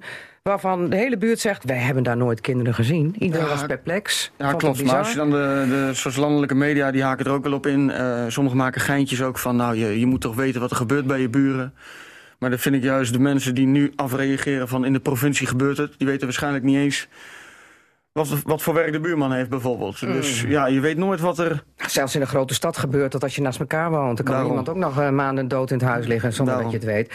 Maar dit gaat er meer om, het is een heel afgelegen boerderij. En er is ook al vaker gezegd tegen de mensen die eromheen wonen... verwijt het jezelf niet, want je had het niet kunnen weten. Mhm. Op het moment dat je zelf eh, je bij de boerderij meldt... zegt hallo, gezellig buurman, flesje wijn, nog wat aanbieden... en vervolgens word je het erf afgejaagd. Ja, dan denk je ook van, als Drent, Ja, dan niet. Klopt. Als je geen contact wil. Maar nu, nu zijn we twee maanden verder. Hè? Waar ben je nou het meest van geschrokken, Chris... in het verhaal wat nu allemaal naar boven komt? Eigenlijk eh, het laatste deel wat we eigenlijk hoopten dat het niet zo zou zijn. Eerst kwam het dan naar buiten en werd het een beetje verwaterd van nou, eh, vader heeft in huis gezeten, kinderen zaten er ook. Hun had het wel vredig. En nu eh, kwam die man bij eh Bo of de Wereld Draait Door zaten ze. Die kwam met het verhaal met eh, gelekte politiedossiers dat dan echt... Je had het strafdossier gezien, hè? Man- eh, twee mannen van de Telegraaf, ja, met dat eh, misbruik en alles wat er achteraan komt. En met nog een derde man die in beeld kwam. Daar schrok ik wel van. van er gebeurt echt veel meer in de boerderij dan dat Je bedoelt een Oostenrijkse man die daar eh, waarschijnlijk anderhalve dag aan een touw heeft gehangen. Ja, die verhalen, daar schrok ik wel van. van er is toch wel wat gebeurd in huis daar wat echt niet door de beugel kan. Ja, ja. Het, seksueel, misbruik het seksueel misbruik trouwens, dat, eh, dat is een aanklacht van de eh, twee van de drie oudere kinderen die al eerder het gezin waren ontvlucht. Hè? Maar daarmee vraag je je natuurlijk ernstig af van hoe zit het dan met de zes die in huis zaten in de boerderij? Ja. Heb jij dat ook? Ja, weet je, ik wacht gewoon eerst tot het gewoon echt feiten zijn. Het zijn allemaal verdenkingen. Dus ik wil niet graag op de zaken vooruitlopen. Maar, Maar ja, de verdenking is er, hè? ja, en dat is wel erg genoeg, vind ik. Ja. Nou is er 21 januari een, eh, zoals het eh, met een mooi woord heet, proforma zitting. Want dat betekent dat een onderzoek nog niet afgerond is. Bovendien, we wachten nog steeds uit, uit, op de uitkomst van een onderzoek naar eh, de vader hè, in deze kwestie. Kan die wel verhoord worden, want die kan niet fatsoenlijk communiceren doordat hij een hersenbloeding heeft gehad. Eh, Ga, ga je dan ook naar zo'n rechtszaak? Wil je dat dan zelf met eigen ogen horen en zien? Nee. Nee. Ah, dan zou het eerder nieuwsgierigheid zijn wie de mannen zijn achter het verhaal. Maar eh, ik lees het wel in het nieuws. Ja? Ja. Je bent er niet zo bij betrokken dat je denkt van... ik heb destij- Nee, ik hoef- destijds de kat de bel aangebonden dankzij Jan, die hulp zocht. Mhm. Eh, wil je dan niet weten hoe het afloopt? En, Ja, en als ik tijd heb, misschien dat ik dan nog wel even langs wip. Maar eh, druk cafébaasje, hè? daarom. Ja, ja. daarom. Eh, eh, eh, als nou mensen zeggen die, die, eh, die Chris Westerbeek... die moet onderscheiden worden... Ja, en je wordt uitgenodigd... Als hun dat vinden, dan moeten ze dat doen, toch? Dan, eh, dan zie ik het wel verschijnen. Heb je de burgemeester al eens op visite gehad bij Nou, café? Dat is een heel grappig verhaal. Want ik was eh, wel de kerstrondje eh, in Ruinewold. En eh, ik had het heel druk in een café en toen kwam Roger even langs. Ik had, Roger de Groot. ja, ik had geen, geen tijd eigenlijk. Ik had het gewoon zo druk. Dus toen zei hij van, nou, ik kom wel later een keer weer. Niet gezien nog. Ja, ik heb hem niet echt inhoudelijk gesproken. Meer van, hey, leuk dat je er bent, weer wat drinken. En toen Oké. is hij eigenlijk zo weer eh, verwaterd. Ja, nee, niet, niet echt gesproken, nee. nee en, en de niet. politie? Ehm, ik heb de buurtagent wel eh, gesproken, de wijkagent. Eh, later een keer. Die zei van, je had me nodig, maar had ik niet. Maar ik, zei, ik vond het meer zoiets van, als politieagent, wijkagent... had je eigenlijk achteraf ook een beetje op moeten letten... hoe het in de straten ging met alle media die eigenlijk voor file zorgden in Ruinewold. Eigenlijk te gek voor woorden dat er een file stond überhaupt in het dorp. En eh, zulke dingen. Gewoon even achteraf onder genot van een kop koffie aan bijvoorbeeld Jeffrey of aan mij vragen van... eh, jongens, Je eh, gaat nu heel snel. Jeffrey Scheper is de, de autozaak-eigenaar die Ja. ook erbij betrokken was toen die Jan... hem ook heeft gesproken. Ja. Ja. Gewoon even onder genot van een kop koffie vragen van jongens, wat is jullie ook eigenlijk overkomen? Ja. Beter, beter nazorg. Nooit Ja. iemand gezien dus. Zoiets, ja. Ja, Ja. ja. later dan wel. Ja. Maar dat is eigenlijk een beetje uh, mosterd naar de maaltijd, vond ik. Ja. Het is natuurlijk wel het verhaal hè, van het jaar. Ja, weet ik niet. Er zijn veel belangrijkere onderwerpen, vind ik, dan hoe het met mij is achteraf. Maar hoe is het met jou? Ja, wel goed. Ja? Ik heb het hartstikke druk, dus... eh, Volgens mij ben je ook een hele nuchter gast die nog snel relativeert, of niet? Ja, dat wel. Dat leer je ook al gauw in het vak, weet je. Je hoort wel vaker, er wordt er wel wat naar je geroepen en dan denk je, ach, laat maar. Ja, want de cafébaas is toch eigenlijk soms ook een sociaal werker, hè? Ja. Ja. Ja, dan probeer ik eh, iedereen in een café ook eh, die aan het werk is mee te geven. van Je bent niet alleen degene die een lekker colaatje of een lekker biertje voor diegene neerzet. Maar je bent ook eh, degene die soms eh, een emotioneel verhaal aan moet horen. Eh, je bent de praatpaal, je bent de, de, de woonkamer eigenlijk ook voor sommige mensen. Dus dat, eh, dat moet je wel bieden ook. Maar in dit geval was jij de praatpaal van Jan en jij hebt daarna gehandeld. Ja, Ja. Toch goed, of niet, Harry Tupan, dat hij gehandeld heeft? Ja, goed dat hij het gesignaleerd heeft, goed dat hij doorgepakt heeft. Maar het is en blijft een heel ernstig verhaal. Dat hebben Ja. jullie alle twee net aangegeven. En dat, dit moet niet in Drenthe kunnen. En eh, dan zie je toch dat soms een beetje nobberschap... als je goed even eh, de zaak in de gaten houdt... dat je soms ook eh, dingen kunt voorkomen. Ja. Ja. Kom, komt Ruinewold trouwens nog wel weer van die naam af? De, de, de relatie Ruinewold, boerderijgezin. ja Reinhold is veel sterker dan alleen maar eh, boerderij, kind en kelder en zo. Dus dat... eh, Ja. Ik hoop niet dat wij daar telkens aan worden... We worden door- door de media een beetje die kant op geduwd, vind ik. Oké. Door verschillende media. Dat sommigen die, die plakken een beetje het plaatje erop van. eh, nou, eh, ik durf het naam bijna niet te noemen. Maar dat horrordorp werd zelfs aan de Ja. krantenkop van Dagblad van Noorden gezegd. Ik, doe dat nou niet. Weet je, eh, Horrorgezin of horrorboerderij. jullie plakken het erop, wij niet. En wij staan sterker in het ondernemen, leuke dingen organiseren. Het is een heel mooi stukje landschap ook, uh, Ruinewold. Dus ik zou zeggen, bed and breakfast en zo. Oké, beetje promotie, hè? Tuurlijk, Kees moet Westerbeek je toch een beetje vasthouden. Hè? Ja. Het blijft toch een beetje toerisme Ruinewold. En als je een borrel gaat drinken, ga dan vooral even naar de Kastelein. is een hele leuke kroegbaas. Radio Drenthe. Harry Tupan, speciale tafelgast vandaag in Casata. Eh, wat staat ons allemaal te wachten als we het over 2020 hebben? Na het al zeer succesvolle 2019.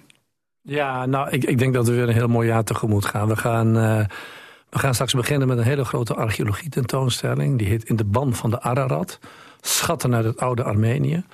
Nou, we weten allemaal... Want wanneer gaat hij eh, gaat los? ongeveer in maart gaat die ongeveer eh, open. Ja. En eh, nou, jullie weten allemaal, we zoeken altijd ja, het, het, het hele continent over om, om mooie dingen te zoeken die een relatie hebben met onze eigen collectie. Nou ja, archeologie is onze core business. Dat is het belangrijkste speerpunt dat we hebben.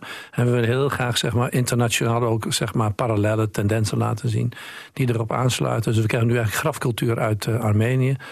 Heel bijzonder land. Ik, En wordt dat dan gepresenteerd naast onze eigen grafcultuur? Of is het puur de Armeense tentoonstelling? En we hebben dan niet het meisje van ieder erbij of andere, ja, zeg maar, Nou ja, ik- ik- een klein probleempje natuurlijk, want we zijn bezig met die verbouwingen eh, in het museum. Dus de Ja. hele archeologie eh, die zit, eh, die zit achter slot en grendel in het depot. alle- Alhoewel, en dat is misschien nog wel een leuk nieuwtje, er is aanvraag vanuit China om de collectie te, te kunnen en mogen exposeren. En ik heb, ik heb een aanvraag gekregen uit Spanje. Dus onze Drentse archeologie schijnt nu ook opeens internationaal belangrijk te zijn. Dus En, waar kiest Harry maar op, zou ik Tupan? zeggen. Wat, wat kiest Harry Tupan dan? Spanje of China? China. Ja? Ja. Wat gaat daarheen Ja, aan niet, Drentse collectie? We, we, hebben, we hebben een heel, ja, dat is altijd heel bijzonder met Chinezen. Dan, die hadden een afspraak met ons gemaakt. Dus, nou ja, maar dan komt er echt, het klinkt een beetje, zo bedoel ik het niet, maar een heel cohort Chinezen dan echt heel veel. Rond de tafel en wij met een paar, paar man. En, eh, die hebben toen hun idee ontvouwd van, nou ja, ze kenden onze collectie. En wisten dat die eh, eh, een tijdje achter slot en grendel ging. Nou ja, en dan, dan heb je het er zo over van. ja, want als hij dan toch... nou ja, kijk, ik wil er wel een verhaal mee vertellen. Hè? Want je, je doet niet zomaar dingen weg en, en kijk maar wat je ermee doet. Nee, er moet wel een goed concept en het verhaal van Drenthe moet eronder liggen. Want anders heeft het ook geen zin. En wij zijn het Drents Museum, dus ik vind altijd dat die Drenthe-component, die noordelijke component, er heel sterk in moet zitten. Nou, dat vonden ze prima. Eh, Valt dat meisje van ieder daar bijvoorbeeld dan ook onder? Nou ja, kijk, er zijn altijd dingen waar ik eh, met mijn team heel goed over nadenken of we die weg laten gaan. Laat ik één ding zeggen. De kano van Pessen, de boom, Kano gaat nooit weg. Ik bedoel, dat is een, hè, de oudste boot ter wereld. Die, die, die laat ik gewoon niet reizen. Klaar. Nee? Die is Nee. te precair daarvoor? Ja, mm, ja dat, ga- dat gaan we niet doen. Meisje van Ieder heeft vaker gereisd. Ja. En we gaan kijken wat de conditie, wat de toestand is. Dus naar Canada geweest, want toch bij de is Mysterious Bog People. geweest, maar ze is op meer plekken in de wereld geweest. En eh, dat is goed. Hè. Ze heeft in grote ja, veenmummie tentoonstellingen eh, ge- ge- ge- gefigureerd, gefungeerd. Nou, en, en we gaan altijd kijken van kan het? En het belangrijkste is dat we ons cultuurbezit goed moeten bewaren. En dus we gaan niet voor, voor andere successen. Spullen first en dan zien we verder wel. En bovendien hebben jullie natuurlijk met China al wat eerder gehad, want de echt de grootste tentoonstelling ooit, wat het meeste publiek trok, blijft toch altijd de terracotta, het terracotta leger. Ja, dat klopt. ja. En eh, nou ja, kijk. Uit eh, China dus. Je gaf net een klein voorzetje, want na Armenië krijgen we Frida Kahlo. En dan Juist. zullen een hele hoop mensen zeggen, Frida wie? Nou, het is eigenlijk zo bij Frida Kahlo, of je kent haar en dan is ze wereldberoemd. Het is eigenlijk de Madonna van haar tijd, zeg maar. Een stijlicoon, maar vooral schilder. Maar leg even uit, waar komt Frida vandaan? Frida Kahlo is een Mexicaanse schilder die getrouwd was met de allerberoemdste schilder van die tijd. En dan hebben we het, laten we zeggen, tussen 1905 en 1950, Diego Rivera. En die Frida die was eigenlijk, die lag, was haar tijd ver vooruit. Ze was feminisme, ze had eh, qua gender, eh, had ze, had ze, had ze, had ze ehm, hoe moet ik dat nog eens even netjes zeggen? Is al een beetje mannelijk uiterlijk. Ja, ze- maar mannen, vrouwen, eh, het, het, het was allemaal goed. Ze zat heel zwaar in de politiek. Ze, ze had omgang met Trotsky. Ze kende André Breton, waar ze ook verhoudingen mee had. Dus het was een vrouw die... Vrijgevochten. die- ja, maar, maar het bijzondere was, zij heeft op jonge leeftijd polio gehad. Ze heeft op jonge leeftijd een zwaar ongeluk gehad. Dus ze had ook ja, allerlei fysieke ongemakken. En het mooie van deze vrouw vind ik dat ze, ondanks van wat, wat haar overkomen is, is ze altijd heel sterk gebleven. Haar moeder, ze was bedlegerig op een gegeven ogenblik. En haar moeder die, die wilde dat ze afleiding had. Die heeft in het bed een soort een hemel laten maken met een spiegel erin. Heeft haar een eh, schildersuitrusting gegeven. En toen is Frida gaan schilderen. En wat doe je als je alleen op bed ligt? Dan ga je jezelf schilderen, zelfportretten. Die zijn wereldberoemd geworden. Want Nou, leg even uit, wat is het bekende kenmerk van de Frida Kahlo schilderijen? Nou ja, de Frida is natuurlijk haar, haar, haar, haar, eh, haar doorgelopen eh, eh, wenkbrauw. Doorgegroeide, ja. Doorgegroeide, wat vrouwen nu meestal gewoon weghalen door harsen of epileren. Kijk, maar Dat liet zij gewoon zitten. Dat bedoel ik. En, eh, ze- Ja, dat is even een beetje herkenbaar, ja. Ja, maar, maar zij deed dat ook met een, met een hele bewuste reden. Hè? Want het was niet dat ze dat. Kijk, zij deed dat omdat de vrouwen op het platteland dat ook zo deden. En zij wilde graag op die manier gelinkt worden aan eenvoudige mensen. die wel het hart in de traditie van Mexico uitstraalden. Dat vind ik het mooie. Dus het is een vrouw met enorm verhaal. Ik denk, we hebben het veel over diversiteit, inclusiviteit tegenwoordig. Zij was al een hele inclusieve eh, vrouw in die zin en ook heel divers. En ik denk dat we met die tentoonstelling juist al die elementen bij elkaar kunnen brengen. En dat is eigenlijk wat, wat de grootste uitdaging is en waar ik het meeste naar uitzie. Ja, want die komt in oktober, terwijl die eh, eigenlijk het jaar daarna pas gepland was. Maar ik heb ook geleerd dat mensen eh, naar dat museum gaan, Frida Kahlo Museum, en daar vaak komen en de schilderijen zijn weg. Want haar schilderijen zijn bijna altijd op over de wereld. Ja, dat, dat is ten dele waar. Er zijn twee plekken in Mexico City waar haar werken hangen. Het ene museum is Museo Dolores Olmedo. Daar krijgen wij de schilderijen vandaan. Ja. En de andere is Musea eh, Fri- Frida Kahlo, Casa Azul, het Blauwe Huis. En die werken hangen er altijd. Maar uit dat eh, Casa Azul, dat eigen huis van Frida, krijgen we al haar persoonlijke dingen. Dat is nog een mooi verhaal. Van toen zij overleed, heeft haar man Diego al haar persoonlijke bezittingen in een badkamer in het huis eh, opgeslagen. Hij heeft de deur op slot gedragen en letterlijk de sleutel in de gracht gegooid, die er niet was. En gezegd van, ik moet, je mag pas over 25 jaar mag die deur open. Dat is uiteindelijk nog, heeft dat nog veel langer geduurd. En eh, nu is recentelijk is die deur eh, geopend. En er kwamen ongelooflijke mooie persoonlijke dingen van Frida uit. Nou, dan moet je denken aan haar kleding, maar ook haar corsetten, haar beenprotheses, maar haar Revlon lipstickjes, alles. En dat is nou zo leuk, dat krijgen wij in Assen. Dus je kunt nu ook het persoonlijke verhaal van Frida vertellen. En dat, dat, is, dat is onze grootste uitdaging, om daar iets mee te doen. Nou zijn jullie als Drents Museum er altijd een kei in om de tentoonstellingsruimte zo om te batterijen dat je je helemaal waant in de sfeer van. Hè? Dat was met die Mongolië tentoonstelling dat het helemaal Mongoolse sfeer was, eh, Iran-expositie. Hoe gaan jullie dat met Frida Kahlo doen? Dat ga ik nog niet verklappen. We zijn, eh, we zijn, volop, Eh. aan het, we zijn volop aan het overleggen met onze vormgevers. Maar ik kan één ding beloven, het wordt spectaculair. Hm. En is dan trouwens de grote verbouwing waarbij er meer bezoekers ook in eh, Café Krul kunnen komen. Is dat allemaal klaar met de, met de glazen, eh, hoe moet ik het noemen? Glazen aanbouw? Ja, de glazen, het glazen paviljoen, hè? Het glazen paviljoen. Ja, Ja, is dat, dan op tijd Het- de klaar? hele, ja, we liggen mooi op schema. De, de vloeren zijn inmiddels gestort. En de Abdijkerk is helemaal klaar. Hè. Dat is ook onderdeling van dat investeringsprogramma. eh, die is klaar. Die, daar gaan we in januari mee open met een tentoonstelling over de schilder David Schnell uit Leipzig. En dan zijn we zo rond de zomer zijn we klaar met de hele verbouw van dat deel. Er komt een glazen paviljoen voor de luisteraars tussen eh, de Abdijkerk en eh, het huidige oude provinciehuis. Ziet er echt heel mooi uit. Mooie doorbraken. Dus de, het wordt groot, het wordt mooi. We kunnen be- eh, onze bezoekers nog beter faciliteren. Dat wordt een klapper, denk ik, hè, die Frida Kahlo tentoonstelling. Ik, ik, ik, ja, dat wordt een klapper. Ja, nou, dat moet ook wel, want die kost een hoop geld weer. Zo'n ja, grote. Maar, ja, maar... het- Wat, voor het- prijs is daar nou mee gemoeid? Ik heb er geen idee van. Maar Natuurlijk heb je daar wel een Ik- idee van. Ik heb eh, tegenwoordig een zakelijk directeur en die weet het veel beter dan ik. Dus dat Ja, hij het weet het wel, maar hij laat het aan de zakelijk directeur over. Nou, hoogste tijd voor wat anders. Cassata, het radioforum. Ja, Harry Tupan, als je het toch niet wil zeggen... dan bombardeer ik je bij deze tot radioforumlid. Ja, is dat goed? Graag. Oké. Daarnaast zit ons radioforumlid... die wij helaas de laatste keer moesten missen... vanwege ontzettende ongemakken lichamelijk. Maar hij is er, op krukken. Maar hij zit er. Ik ben er wel.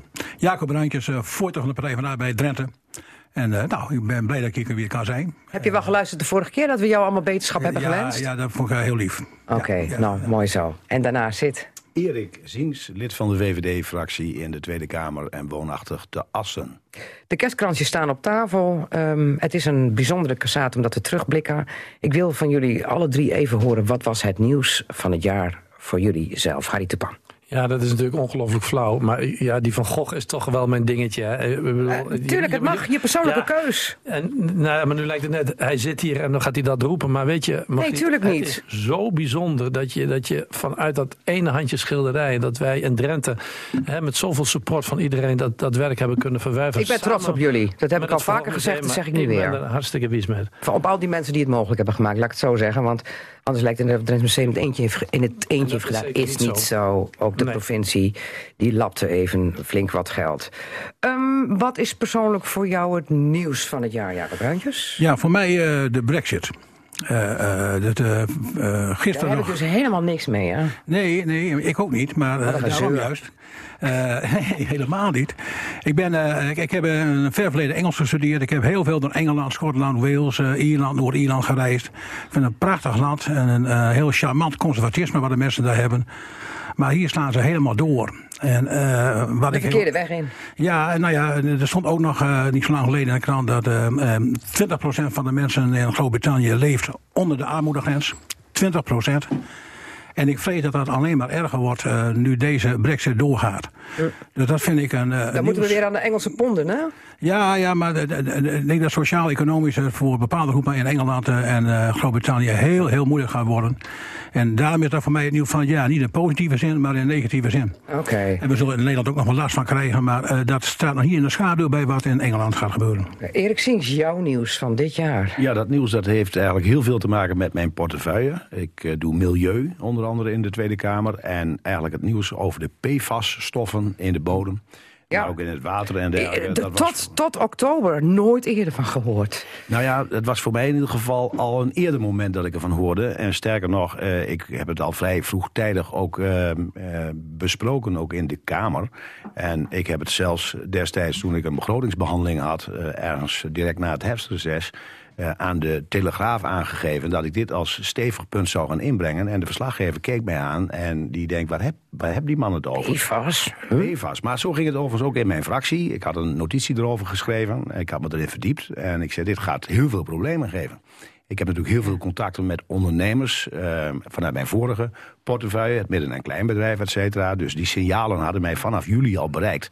En ik had er een stevig stuk over geschreven richting de fractie van... joh, let op, hier moeten we Ja. eh, op gaan duwen. Dat hebben we uiteindelijk ook gedaan. Eh, er is nu weer wat ruimte even, voor de er mensen die, die iets de slag gemist hebben. PFAS is allerlei stofjes in de grond. Ja. Hè, eh, waardoor grondverzetbedrijven niks meer kunnen. Waardoor bouwprojecten niks meer kunnen.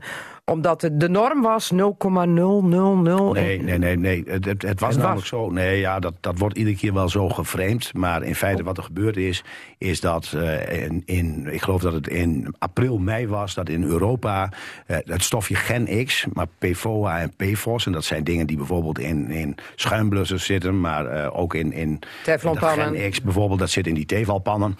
Eh, en de producenten van die bedrijven, die stoten natuurlijk stoffen uit. Dat gaat de lucht in, dat wordt soms ook eh, in, in, in het watercircuit eh, gedumpt, geloosd. En hadden we naast de stikstof dan ook ineens PFAS. En uiteindelijk is in maart in Brussel aangegeven dat dit onder de zeer zorgwekkende stoffen moest gaan vallen. Het gevolg was dat het onder de bodemwetgeving dan E- valt. Even afronden, Ja. Erik, want het is wel het nieuws van het jaar voor jou, maar we hebben nog meer. Ja, je vroeg ernaar, dus Ja. ik denk ik ga even een uitleg geven.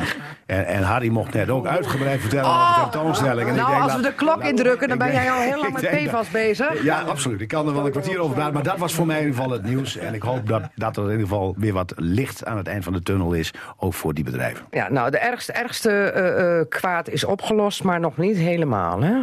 Nee, nee, nee. nee. Daar, daar liggen nog wat, eh, wat barrières te nemen. Maar daar zal ik niet over uitweiden. Want anders is de spreektijd maar zo over. Ja. duidelijk is in ieder geval, Erik Siens, eh, stikstof gaan we volgend jaar nog meer over horen, de PFAS ook. Ehm, eerst even eh, naar ehm, Drenthe.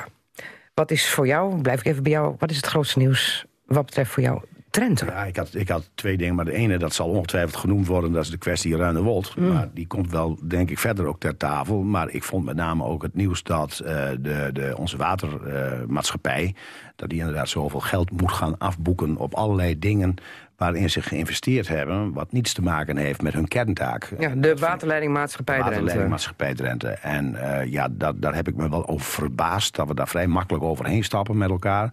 Het zijn uiteindelijk wel middelen die opgebracht zijn ook door eh, de mensen die in Drenthe wonen.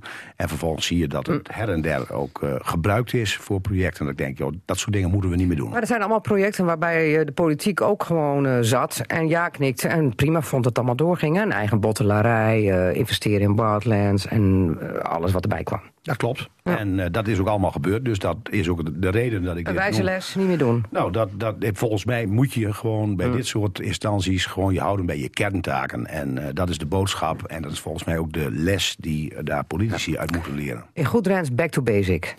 Ja, ja, als dat goed Drents is, dan heb ik er nog wel een paar. Oh, ter- terug naar de bron.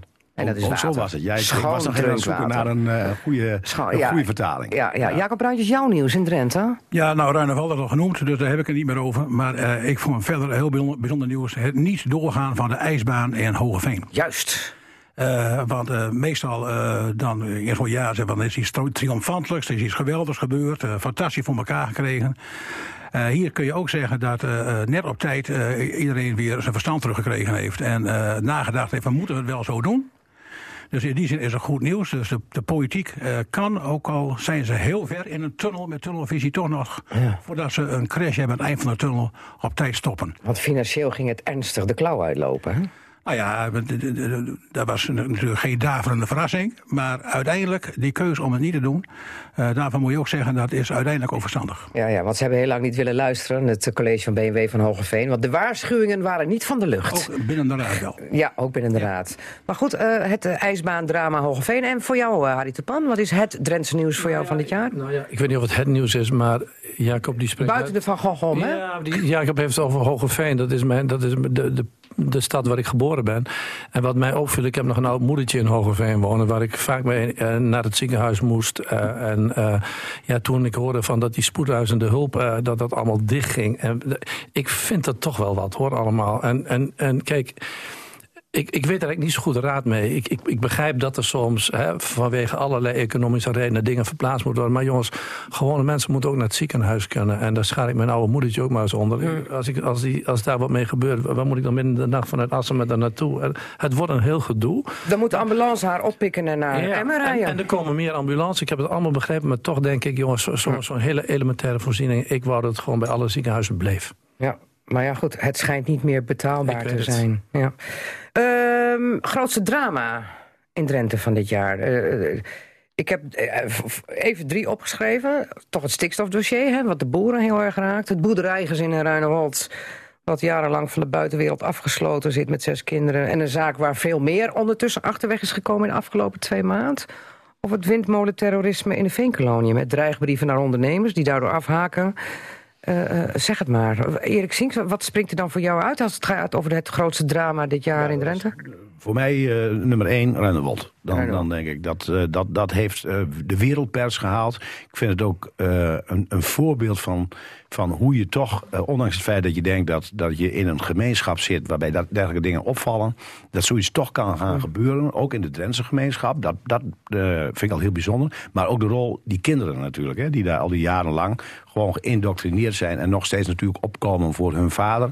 Een deel, toch- hè, daarvan. Ja, een deel ervan. Een smal deel. Maar dan nog denk ik, joh, hoe is dit mogelijk? Ik vind het echt een drama. Ja. Jacob? Ja, het, eh, eh, het drama is een, een eh, zich voortzettend drama, een soort veenbrand zou je bijna kunnen zeggen. eh, van de naweeën van het hele eh, windmolenverhaal in de veenkoloniën.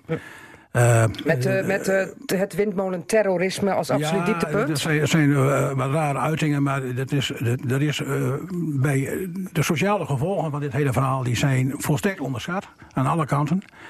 En die komen nu eh langzaamaan boven en soms dan zie je dat uit. Maar er zijn heel veel mensen die er heel veel last van hebben.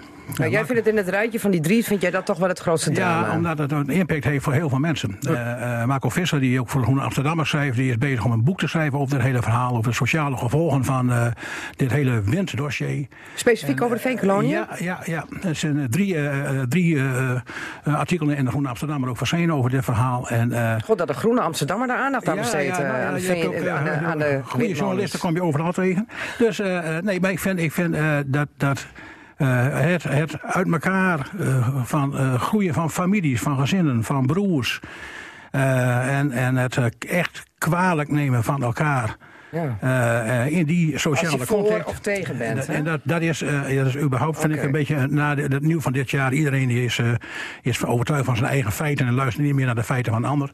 En dat zie je daar nog misschien met een, uh, ieder met een sterretje. Oké. Harry de Pande, als jij daar die drie zaken kijkt, wat Ja, zeg jij nou dan? ja, we hebben het vorige uur er ook over gehad. Natuurlijk, Ruinewold is gewoon het ding. En daar sluit ik me graag bij, bij Erik aan. Maar vooral, ik heb dat ook net gezegd van ja, die hele Norberschap. Hè, daar was zo naar gekeken van hè, alsof het sociale controle zou zijn. Maar was hij er maar geweest, dan had, had je misschien eerder in kunnen grijpen. Maar het, het blijft gewoon heel heftig. En het is minder fijn dat we internationaal zo in het nieuws Maar jij komen. zegt dat nou op deze manier, hè? alsof je de buren iets zou kunnen verwijten. Nee, voor de duidelijkheid. Maar, maar er is wel eens gezegd van, van, van Drenthe van ja, ze houden allemaal, we houden elkaar allemaal in de gaten. Maar toch, eh, die, het gaat mij om gemeenschapszin. Hè? Dat is Ja. wat anders dan eh, eh, mensen beschuldigen. Want ik hoop dat dat is niet de bedoeling. iets vindt om volgend jaar op een positieve manier het nieuws te komen.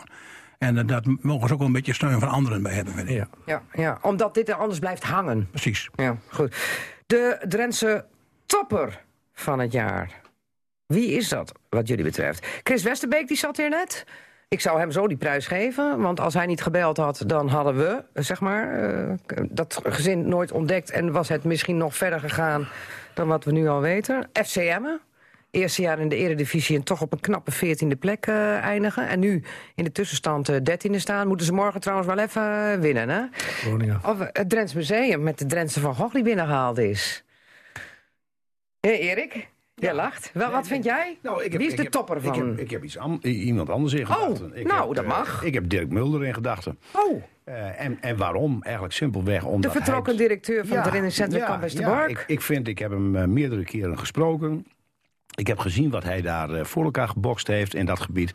En hij kwam als eerste bij mij over, boven toen, toen je noemde... wie is nou de topper van Drenthe? Ik denk, nou, die man die, die, die is nu gewoon dit jaar even de topper van Drenthe. Goed, Jacob Bruintjes. Ja, daar wil ik me eigenlijk wel heel graag bij aansluiten. Vind ik eh, eh, heel goed. Hij staat helemaal niet op mijn lijstje, jongens, dat ik Dirk zomaar vergeten ben. Maar, Ook, eh, en dat is niet eens een Drent. Maar eh, Dick Lukien, de trainer van FCM.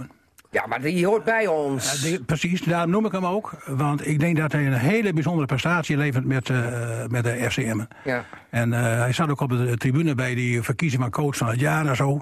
Maar iemand die allemaal hele goede spelers krijgt, die wordt vaak op het schild gehesen.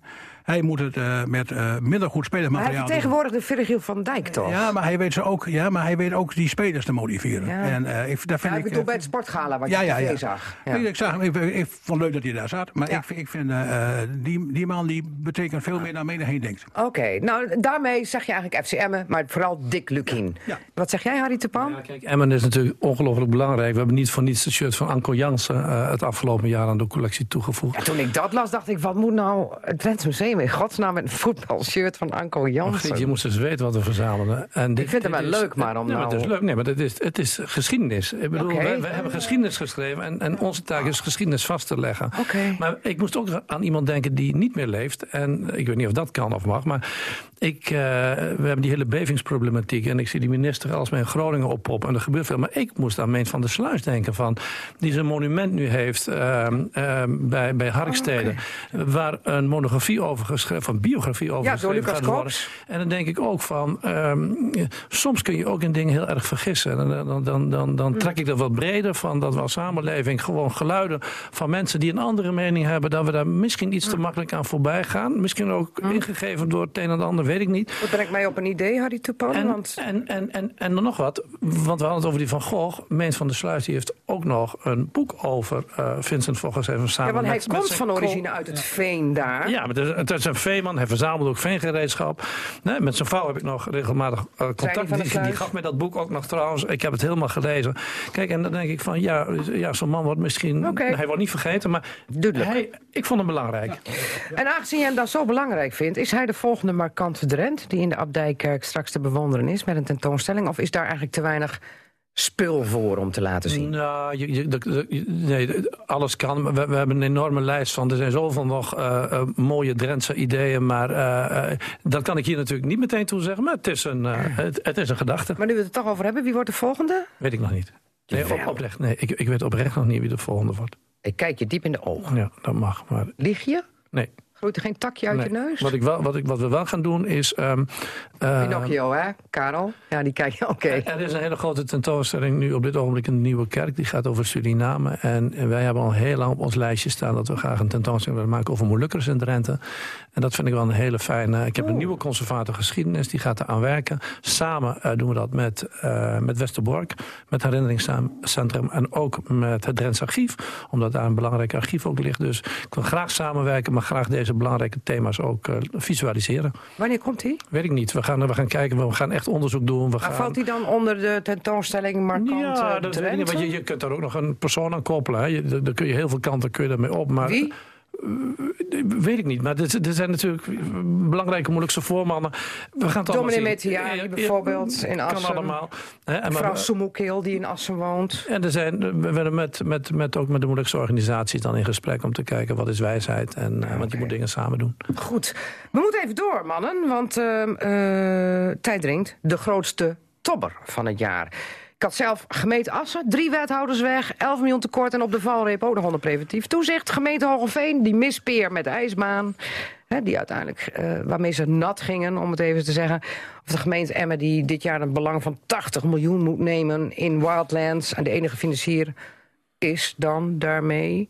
Maar wat, wat wordt, is in jullie ogen de grootste tobber, Harry de Pan? Nou ja, Wildlands is natuurlijk een enorm probleem. Was het? Ik ben heel blij. Ik las Nou, het ergste is geweest. Het De, bezoekers, om- de bezoekers nemen weer toe, maar de hele WMD-kwestie is. En bovendien, dat, het was een van onze sponsoren ook. Die zijn we dus inmiddels ook kwijt. Want ja, zo gaat dat. Hè. Core Want, eh, business, hè? Ja, Niet nee, meer maar de kost gaat voor de baat uit. Dus, dus, dus, dus eh, dat, is wel, dat is wel tomme, ja. Ja, en wat jij? De gemeente? Assen. eh, ehm, Gemeente met- Assen. Ja, gemeente Assen. eh, de drie eh, wethouders die vertrekken uit het college. En vervolgens komt er een, laat ik zeggen, een toverbalcoalitie. Je kent een toverbal. Hè? Vroeger als kinderen kreeg je zo'n bal, die stopte je in je mond. Dan begon hij rood en dan pak je hem eruit, dan was hij wit. En dan deed je hem weer in je mond en zo hem op en dan was hij blauw. En dan ging maar zo door. En aan het eind van die toverbal had je een rare chemische smaak in je mond en plakkerige vingers. En dat is een beetje wat in Assen aan het gebeuren is. Dat vind ik heel jammer. Ja, ja. En, en, en dan ook nog even onder preventief toezicht. Nou ja, dat, dat blijft nu, eh, ik denk, eh, dit blijft eh, urmen, zeg ik maar even, tot aan de volgende verkiezingen. En eh, ik benijd de mensen die daar in het college zitten niet. Ik veroordeel ook verder niemand. Het is een situatie die zo ontstaan is. Het is heel triest. En voor de hoofdstad van de provincie is het heel treurig dat het zo loopt. We krijgen straks een vijfpartijencollege als alles goed gaat. In januari wordt het gepresenteerd eh, met eh, VVD, GroenLinks, CDA SP en wie ben ik nu nog vergeten? En D66. Ja, toverbal, hè? Ja, toverbal. Ja. Nou, we gaan eens kijken eh, wat dat betekent. eh, hoe langer je likt aan de toverbal, hoe viezer die wordt. Tweeënhalf jaar moet het nog uitzitten, dus we gaan het zien. Erik Sings, wat vond jij? Ja, Jacob is het heel erg vaak met me eens als ik bepaalde stellingen hier neerleg. Ja? Maar ik vond deze zo geweldig. Het is, dit is volgens mij de laatste Casada van dit jaar. Ja. Voor mij. Eh, dus Jacob, nee, ik, ik sluit me volledig aan bij jouw bevindingen.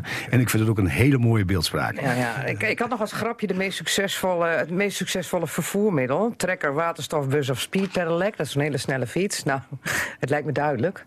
Wat is dat, mannen? Nou, voor mij de Solex. Die staat er niet bij. Nee, da- daarom. Ik kies iedere keer iets wat niet op dat lijstje staat. Eh, Jacob? Nou, ik heb wel eens tegen een aantal wethouders gezegd van... volgens mij hebben jullie bij gemeentewerken ook heel veel zwaar materieel. Misschien moet je daar eens mee naar Den Haag rijden als het gaat om de financiën. En Harry de Pan, de Ja, trekker? we gaan op de trekker. Ja, we gaan op de trekker. Ehm, wie zijn jullie ogen Drents politicus van het jaar? Ik kon er niet op komen. Is er nou echt iemand die qua politiek er in Drenthe uitgesprongen is? Ik zeg nee. Erik. Ik heb gepiekerd en gepiekerd en gepiekerd. En toen denk ik, nou kan ik wel weer iemand noemen van mijn eigen club. Nee. Om wat voor reden dan ook. Dat ga ik niet doen. Dus ik, ik, er komt niks bovendrijven. nee. Jacob? Nou, het, eh, ik ga hem wel niet meer noemen van mijn eigen club... maar dat vind ik eigenlijk de net niet politicus van het jaar. Omdat zijn prestatie, niet omdat zijn prestatie nog niet afgerond is. En dat is eh, Peter Swiers, eh statenlid. Peter is al vijf jaar bezig om het thema duurzaamheid te verbinden met sport... en heel praktisch voordeel voor sportverenigingen. Ja. En hij heeft het uiteindelijk voor elkaar gekregen dat over de, de zonnepanelen op het dak van een voetbalclub in Nieuwbuinen tot in de Kamer werd gedebatteerd. En dat Wiebers op een bepaald moment nog een, een, een, een oplossing heeft gevonden dat die club daar toch verder mee kan. Alleen daar is nu nog weer twijfel over, want er loopt nog weer vast in allerlei bureaucratie. Dus het is nog niet afgerond. En eh, eh, daarom eh, vind ik, de, om niet te zeggen, Die, die moeten we in de gaten houden voor volgend jaar als hij het goed als hij het aftikt. afrondt, dan is hij voor mij volgend jaar. Harry Toepan? Nee, niemand. Ik, ik, ik, Nee, ik heb het suf gepraktiseerd. Ik heb zelf nog een rondje gebeld en we kwamen er niet uit. Dus Nee, eh, nee, het was wat dat betreft, we slaan dit jaar maar over. Maar wel een Drent van het jaar. Harry Toepan. Nou, ik zat te denken, weet je wie ik eigenlijk een leuke Drent vind? Ik vind Levi Weemoed een hele leuke Drent, omdat hij uit de dood is opgestaan. Hij, is, hij is bij jou geweest, heeft hij dit Onze leuke verhaal dichter, verteld. ja. Onze dichter. En ik vind het ongelooflijk hoe zo'n man ook al, die eh, ja, eigenlijk al redelijk gevorderd is ook qua leeftijd, opeens zoveel succes had. Zijn 72 Ja, en dan ook nog de spin-off die hij veroorzaakt naar Drenthe toe. En eh, hij is volledig volgeboekt. Eh, hij heeft jaren Er weinig zijn doen van die grote borden Ja, eh, die- lantaarnpalen heen. Ja, Lees Levi. Weemoed. Ja, ik vind het geweldig. Dus Oké, Drent van het jaar. Wie is jouw Drent van het jaar, Jacob? Nou, daar moest ik ook eh, heel lang over nadenken. En eh, gelukkig eh, geeft Harry nou Levi We- Weemoed Ja. aan. Ik heb die beide boekjes van heb ik thuis.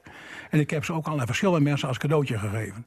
Omdat ik eh, vind dat het heel mooi, compact en humoristisch. Ook nog Drenthe in het boekje Gezondheid, het tweede deel, Ja. komt Drenthe ook nog aan de orde. Dus eh, Drenthe komt voorbij in de poëzie van Levi Weemoed. Op heel veel tafels in Nederland.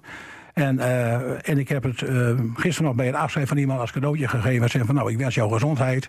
Ik wens jou korte humoristische dingen. Dat je ook to the point en eh, heel mooi met taal. eh, en ook nog een stukje over Drenthe. is eigenlijk heel erg mooi. Laatste woorden van Erik Siens. Wie is jouw Drent van het Ja, jaar? ik ga gewoon weer dezelfde noemen die ik net noemde, Dirk Mulder. Eh, dat vind ik gewoon de trend van het jaar. Die past ook in dit rijtje thuis. Kruisje achter zijn naam. Hartstikke idee. Oké, mag ik ook eentje doen? Ja hoor. Ik vind Chris Westerbeek de Drent van het jaar. De cafébaas uit Ruinerwald. Niet alleen omdat hij een goede daad heeft gedaan, het is ook gewoon een knappe vent. Mag dat? Dan ben ik heel eerlijk. Nou, maar het stuit niet op een heel groot bezwaar van de jury volgens mij. Nee, nee, nee, mannen, ik ga jullie bedanken voor jullie wijze woorden en voor jullie wijze keuze. En ook nog voor de correcte aanvullingen op degene die ik vergeten was. Sorry Dirk Mulder, sorry Levi Weemoed. Ik wens jullie fijne kerst, eh, gelukkig nieuwjaar. En we zien jullie natuurlijk als forumleden volgend jaar in goede gezondheid. Weer terug in Casata. Al meer dan een eh, jaar beheerst hij het nieuws. Jan Huzen, onze amateurspeurder uit Nieuw-Weerdingen... die koste wat kosten verdwenen, wil ik het dorst wel opsporen. Hij wil vooral graven. Graven in Koekangen achter het huis van het pleeggezin... waar de 15-jarige Willeke Dorst tot haar verdwijning woonde in januari 1992. Maar na één grote mislukte graafactie... willen politie en justitie er niet meer aan geloven aan opnieuw graven. Wat Huzen ook probeert. Dus eigenlijk, Jan Huzen, nutteloos jaar geweest, 2019... Nee, juist niet. Nee, nee, nee, nee, zeker niet. Maar het, het eindresultaat is er niet, maar er is wel veel resultaat gekomen. Juist heel veel. Er is niet gegraven dit jaar. Nee, dat is niet gegraven, maar ja goed, dat is niet onze schuld. Dat is de schuld van justitie. Kijk, op een gegeven moment, wij hebben eh, heel veel aangedragen. Dus ondanks dat eh, Amerikaanse onderzoek nog en alles. Dus en daar hebben deskundigen ook wat van gevonden. Dus eh, nee, wij, ik, ik denk dat wij het goed gedaan hebben. Alleen jullie justitie laten steek vallen. Ja, daar kunnen wij ook niks aan doen. Geen verloren jaar dus. Waarom niet allemaal en wat er allemaal gebeurd is. Dat je opgepakt bent en zo. Daar komen we zo over te spreken. Eerst nog even naar de speciale tafelgast. Harry Toepan. Ehm, een succesvol jaar achter de rug. En eh, er komt, eh, als het goed is, ook een succesvol jaar aan. Wat is trouwens eh, de definitieve afsluiting van het jaar? Is het dan echt 31 december de deur dicht en dan gaan we tellen? Ja. Of het echt 170.000 is geworden? Ja.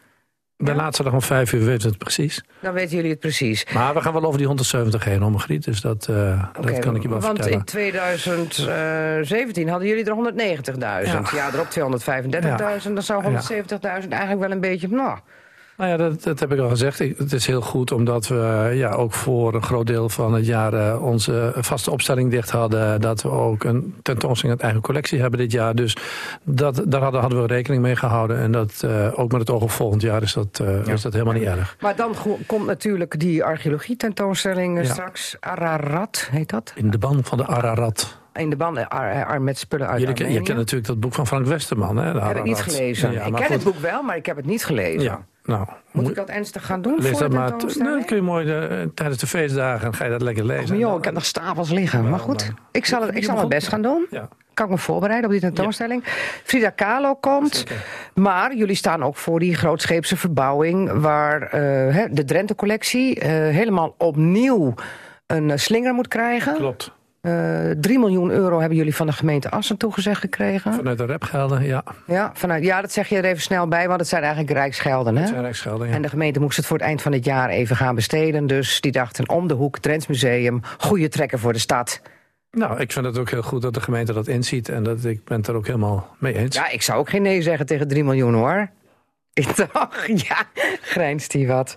Maar ehm, wanneer gaan we die Drenthe-collectie dan in zijn haar volle glorie, glorie denk- weer denk ik zien? Dat, dat, dat dat eind 22, begin 23 gaat worden. En, en misschien even in, in, in een notendop. Wat we gaan doen is onze eigen collectie op een hele andere manier eh, presenteren. Niet meer vanuit het perspectief van Drenthe. Maar meer dat, dat we het nationaal en internationaal gaan aanvliegen. Ik vertelde al, we hebben de oudste boot ter wereld bijvoorbeeld. Hè. We hebben een groot aantal De boot van Kano, oh, de- de iconen, boot van. Oudste wagenwielen van Europa. Noem het maar op. Dus we gaan het heel anders aanvliegen. Hè. Want eh, het is wel een beetje een flauw grapje. Maar toen ze in Amsterdam nog met de voetjes in het water stonden. Toen hadden wij hier al cultuur en beschaving. En dus we gaan het anders aanvliegen. Dus eigenlijk komt de beschaving uit Drenthe.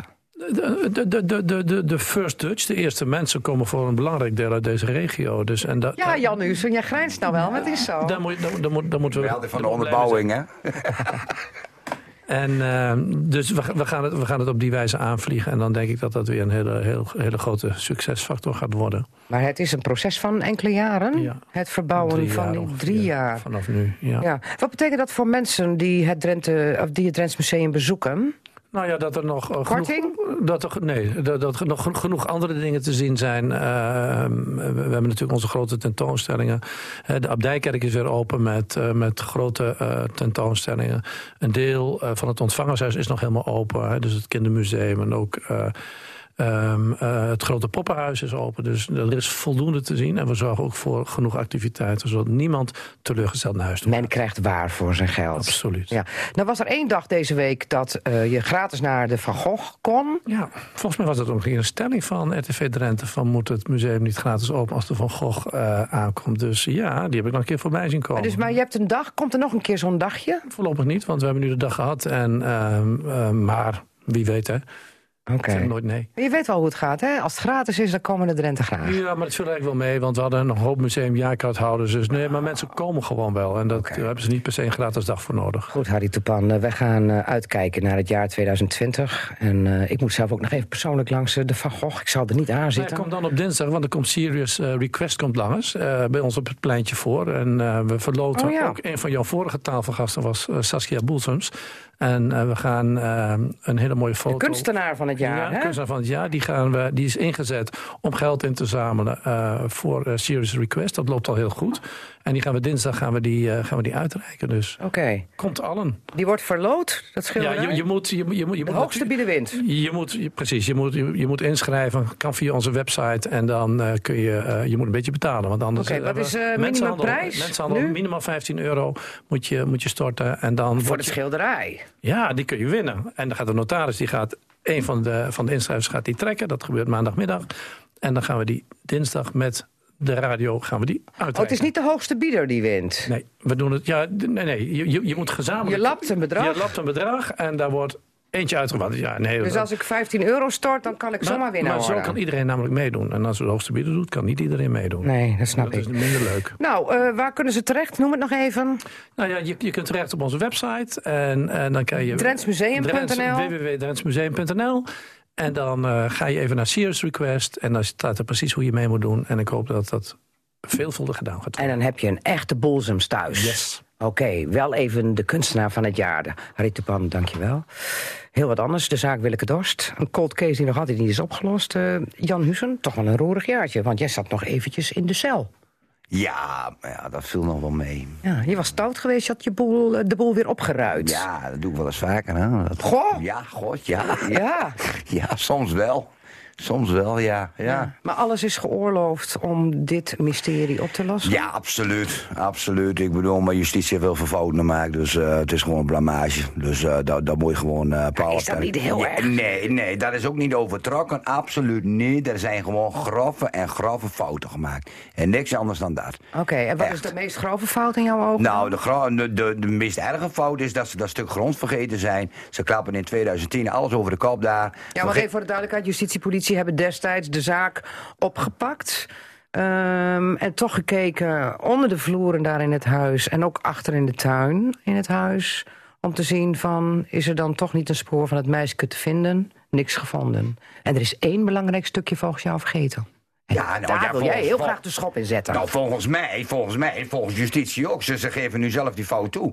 Dus uiteindelijk, eh, het is het officier of de rechtercommissaris die in 2010 denkt daar een lichaam te gaan vinden. En als justitie dan bij het onderzoek een stuk tuin vergeet, wat gewoon kadastraal bekend is, ja, dan maak je gewoon een gigantische fout. Dat vind jij de meest grote fout? Nou, dat sommige- vind ik niet alleen, dat vinden heel veel mensen. Vinden dat, Ja, dat zal toch elk normaal de- denkend mens zal dat toch vinden? Maar jij slingert de boel behoorlijk aan. Wat bezielt Jan Hussen uit Om zich zo in te zetten voor het vinden van die verdwenen Willeke Dorst? Nou, omdat Wat drijft jou? Nou, omdat ik ermee begonnen ben. ben ermee begonnen en ik zie de... Ik zie maar waarom ben je ermee begonnen? Oh, dat kwam gewoon via die tante, dus een paar jaar geleden, zeg maar. Klaasje. Ja, precies, daar kwam ik mee in contact en zo is dat gebeurd. En dus in, in het begin is er ook helemaal geen nieuws over geweest. En we zijn in het begin ook helemaal niet op die boerderij aan het zoeken geweest. Dus daar in de buurt, in de om, omtrek, één keer per maand, zeg maar, een keer aan spitten ergens. Weet je, als er wat tips waren binnenkwamen. Dus, Beetje aan spitten. ja, en dat bestond er dus, dus meer was het niet. Alleen op een gegeven moment, komt die aandacht komt op die boerderij. Terwijl dat ik toen in het begin al zei, ik zei, nou die boerderij en alles is helemaal over de geweest. Ik zei, daar hoor je het niet te vinden. Maar het bleek ja, achteraf niet helemaal.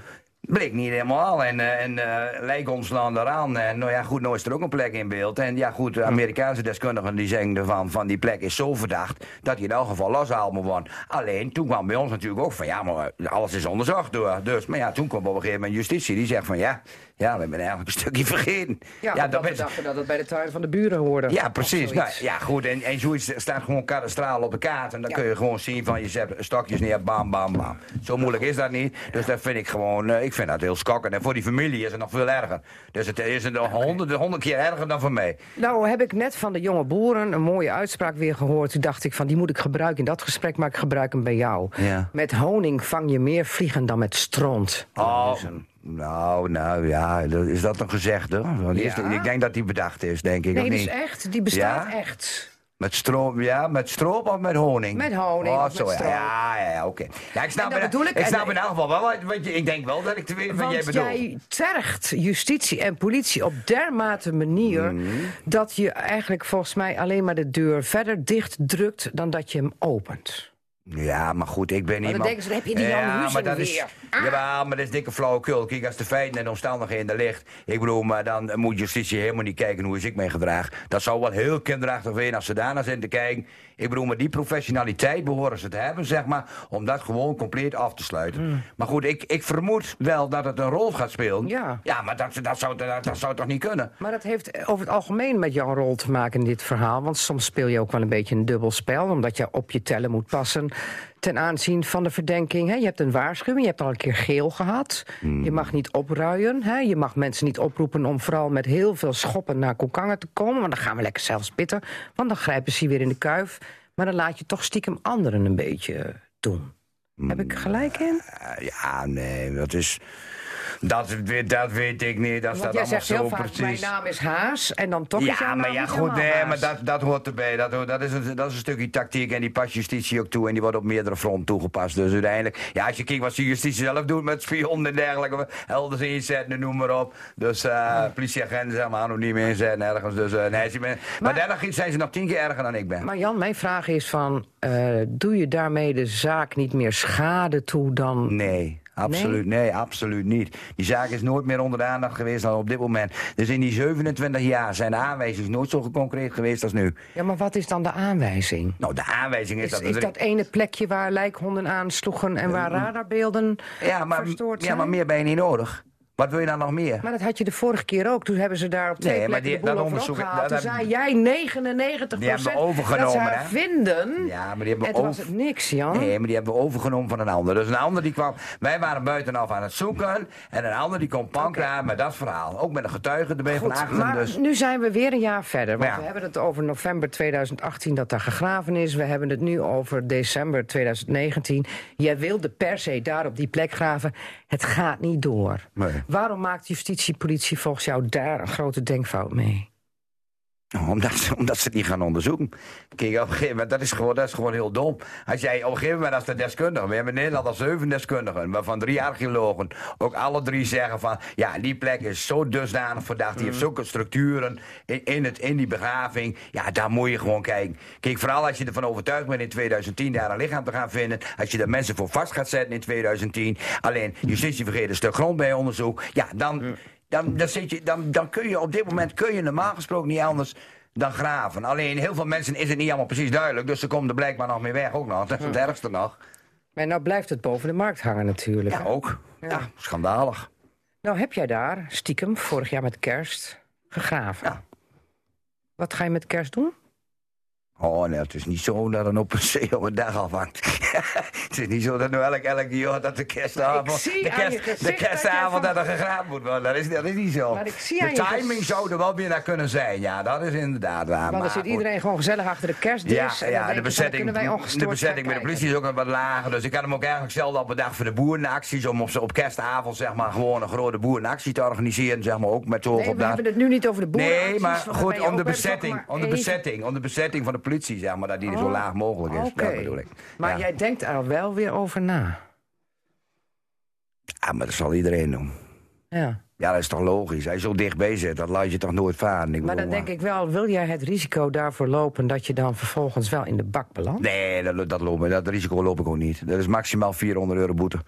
Kijk, Hmm. op een gegeven moment, als ik dan zelf ga graven, is het geen opruiming en niks. Dus ik mag er gewoon graven en dat kost me 400 euro wat ik gepakt word. Dus En dat nee. heb jij ervoor over? Oh ja, maar och, wat veel meer. Wat veel meer. Vandaag wel direct 5000 euro eh, als ze vandaag vonden, wat direct. Mhm. Absoluut. Ja, dan ben je eraf. Het keer gehad. Maar is dit niet weer zo'n plek waarvan je een jaar geleden zei van 100 pro- nee, 99 procent? Ik moet wel bij de waarheid blijven. Mm, Is ja. deze plek nou wat dat betreft volgens jou Deze meer plek is. Ja, dat, dat wel. Alleen ik zal het percentage er niet aankloppen. Omdat, Dat durf je niet meer. Nee, natuurlijk niet. Omdat ik al. Ik kreeg al een gezeik over me. En ik bedoel, mijn justitie die heeft mij al wel 30 keer gezegd: van ja, als we weer gaan gaan, ben je dan bewust dat jij alle schuld krijgt. Als er niks liggen en alles. Dus die voeren die druk ook richting mij op, zeg maar. Dus ook een beetje allemaal. Dus ik ga er niet. eh, ik bekijk dit heel feitelijk. Heel, en dan ligt die kans gewoon enorm hoog. Als je alle feiten en omstandigheden erbij pakt. Maar goed, op een gegeven moment, daar lag hij de vorige keer ook. En ik zie er ook wel een verband in tussen deze plek en die achterste plek. Ondanks dat die 200 meter op elkaar ligt. Dus, en daar is justitie ook wel van op de hoogte. Dus zij weten in- en oudswin, zij ook wel. Harry Tupanjak, ik luister dit verhaal aan. Je zit met je armen over elkaar. Heb jij nog het idee van, goh, als je nou gewoon op die plek gaat graven in justitie, dan sluit je het uit? Als er niks Ja. is, is er niks. En nu blijft het boven de markt hangen? Heel kort, Ik, ik, ja, ik, ik vind het ingewikkeld. Ik, want ik, ik ken de achterliggende achtergronden niet waarom justitie dit doet. En, ehm, en, en ik denk van ja, als, als, als het er nog niet ligt, wat dan? Hè? Dat, dat is. Dat is eh, Maar dan heb je het in ieder geval uitgesloten. Ja. Ja, dan, dan, dan- kijk, als jij justitie zo denkt, dan kom, dan kom je ook geen meter verder. Ik moet misschien hoeveel... is het voor u de laatste, de, de laatste optie? Gewoon Ik heb is dat- met dan een officier- uit? ja, maar? ja, we hebben er maar dat is een besproken, vind ik. eh, besproken in Groningen.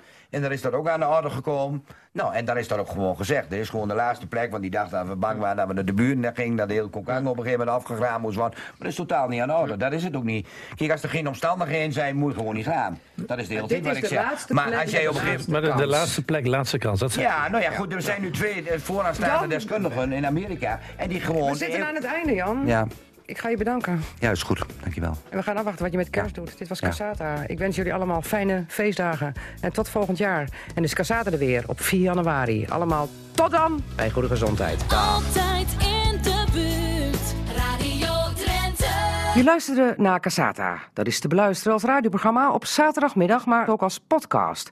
Net als het radioprogramma Drenthe Toen.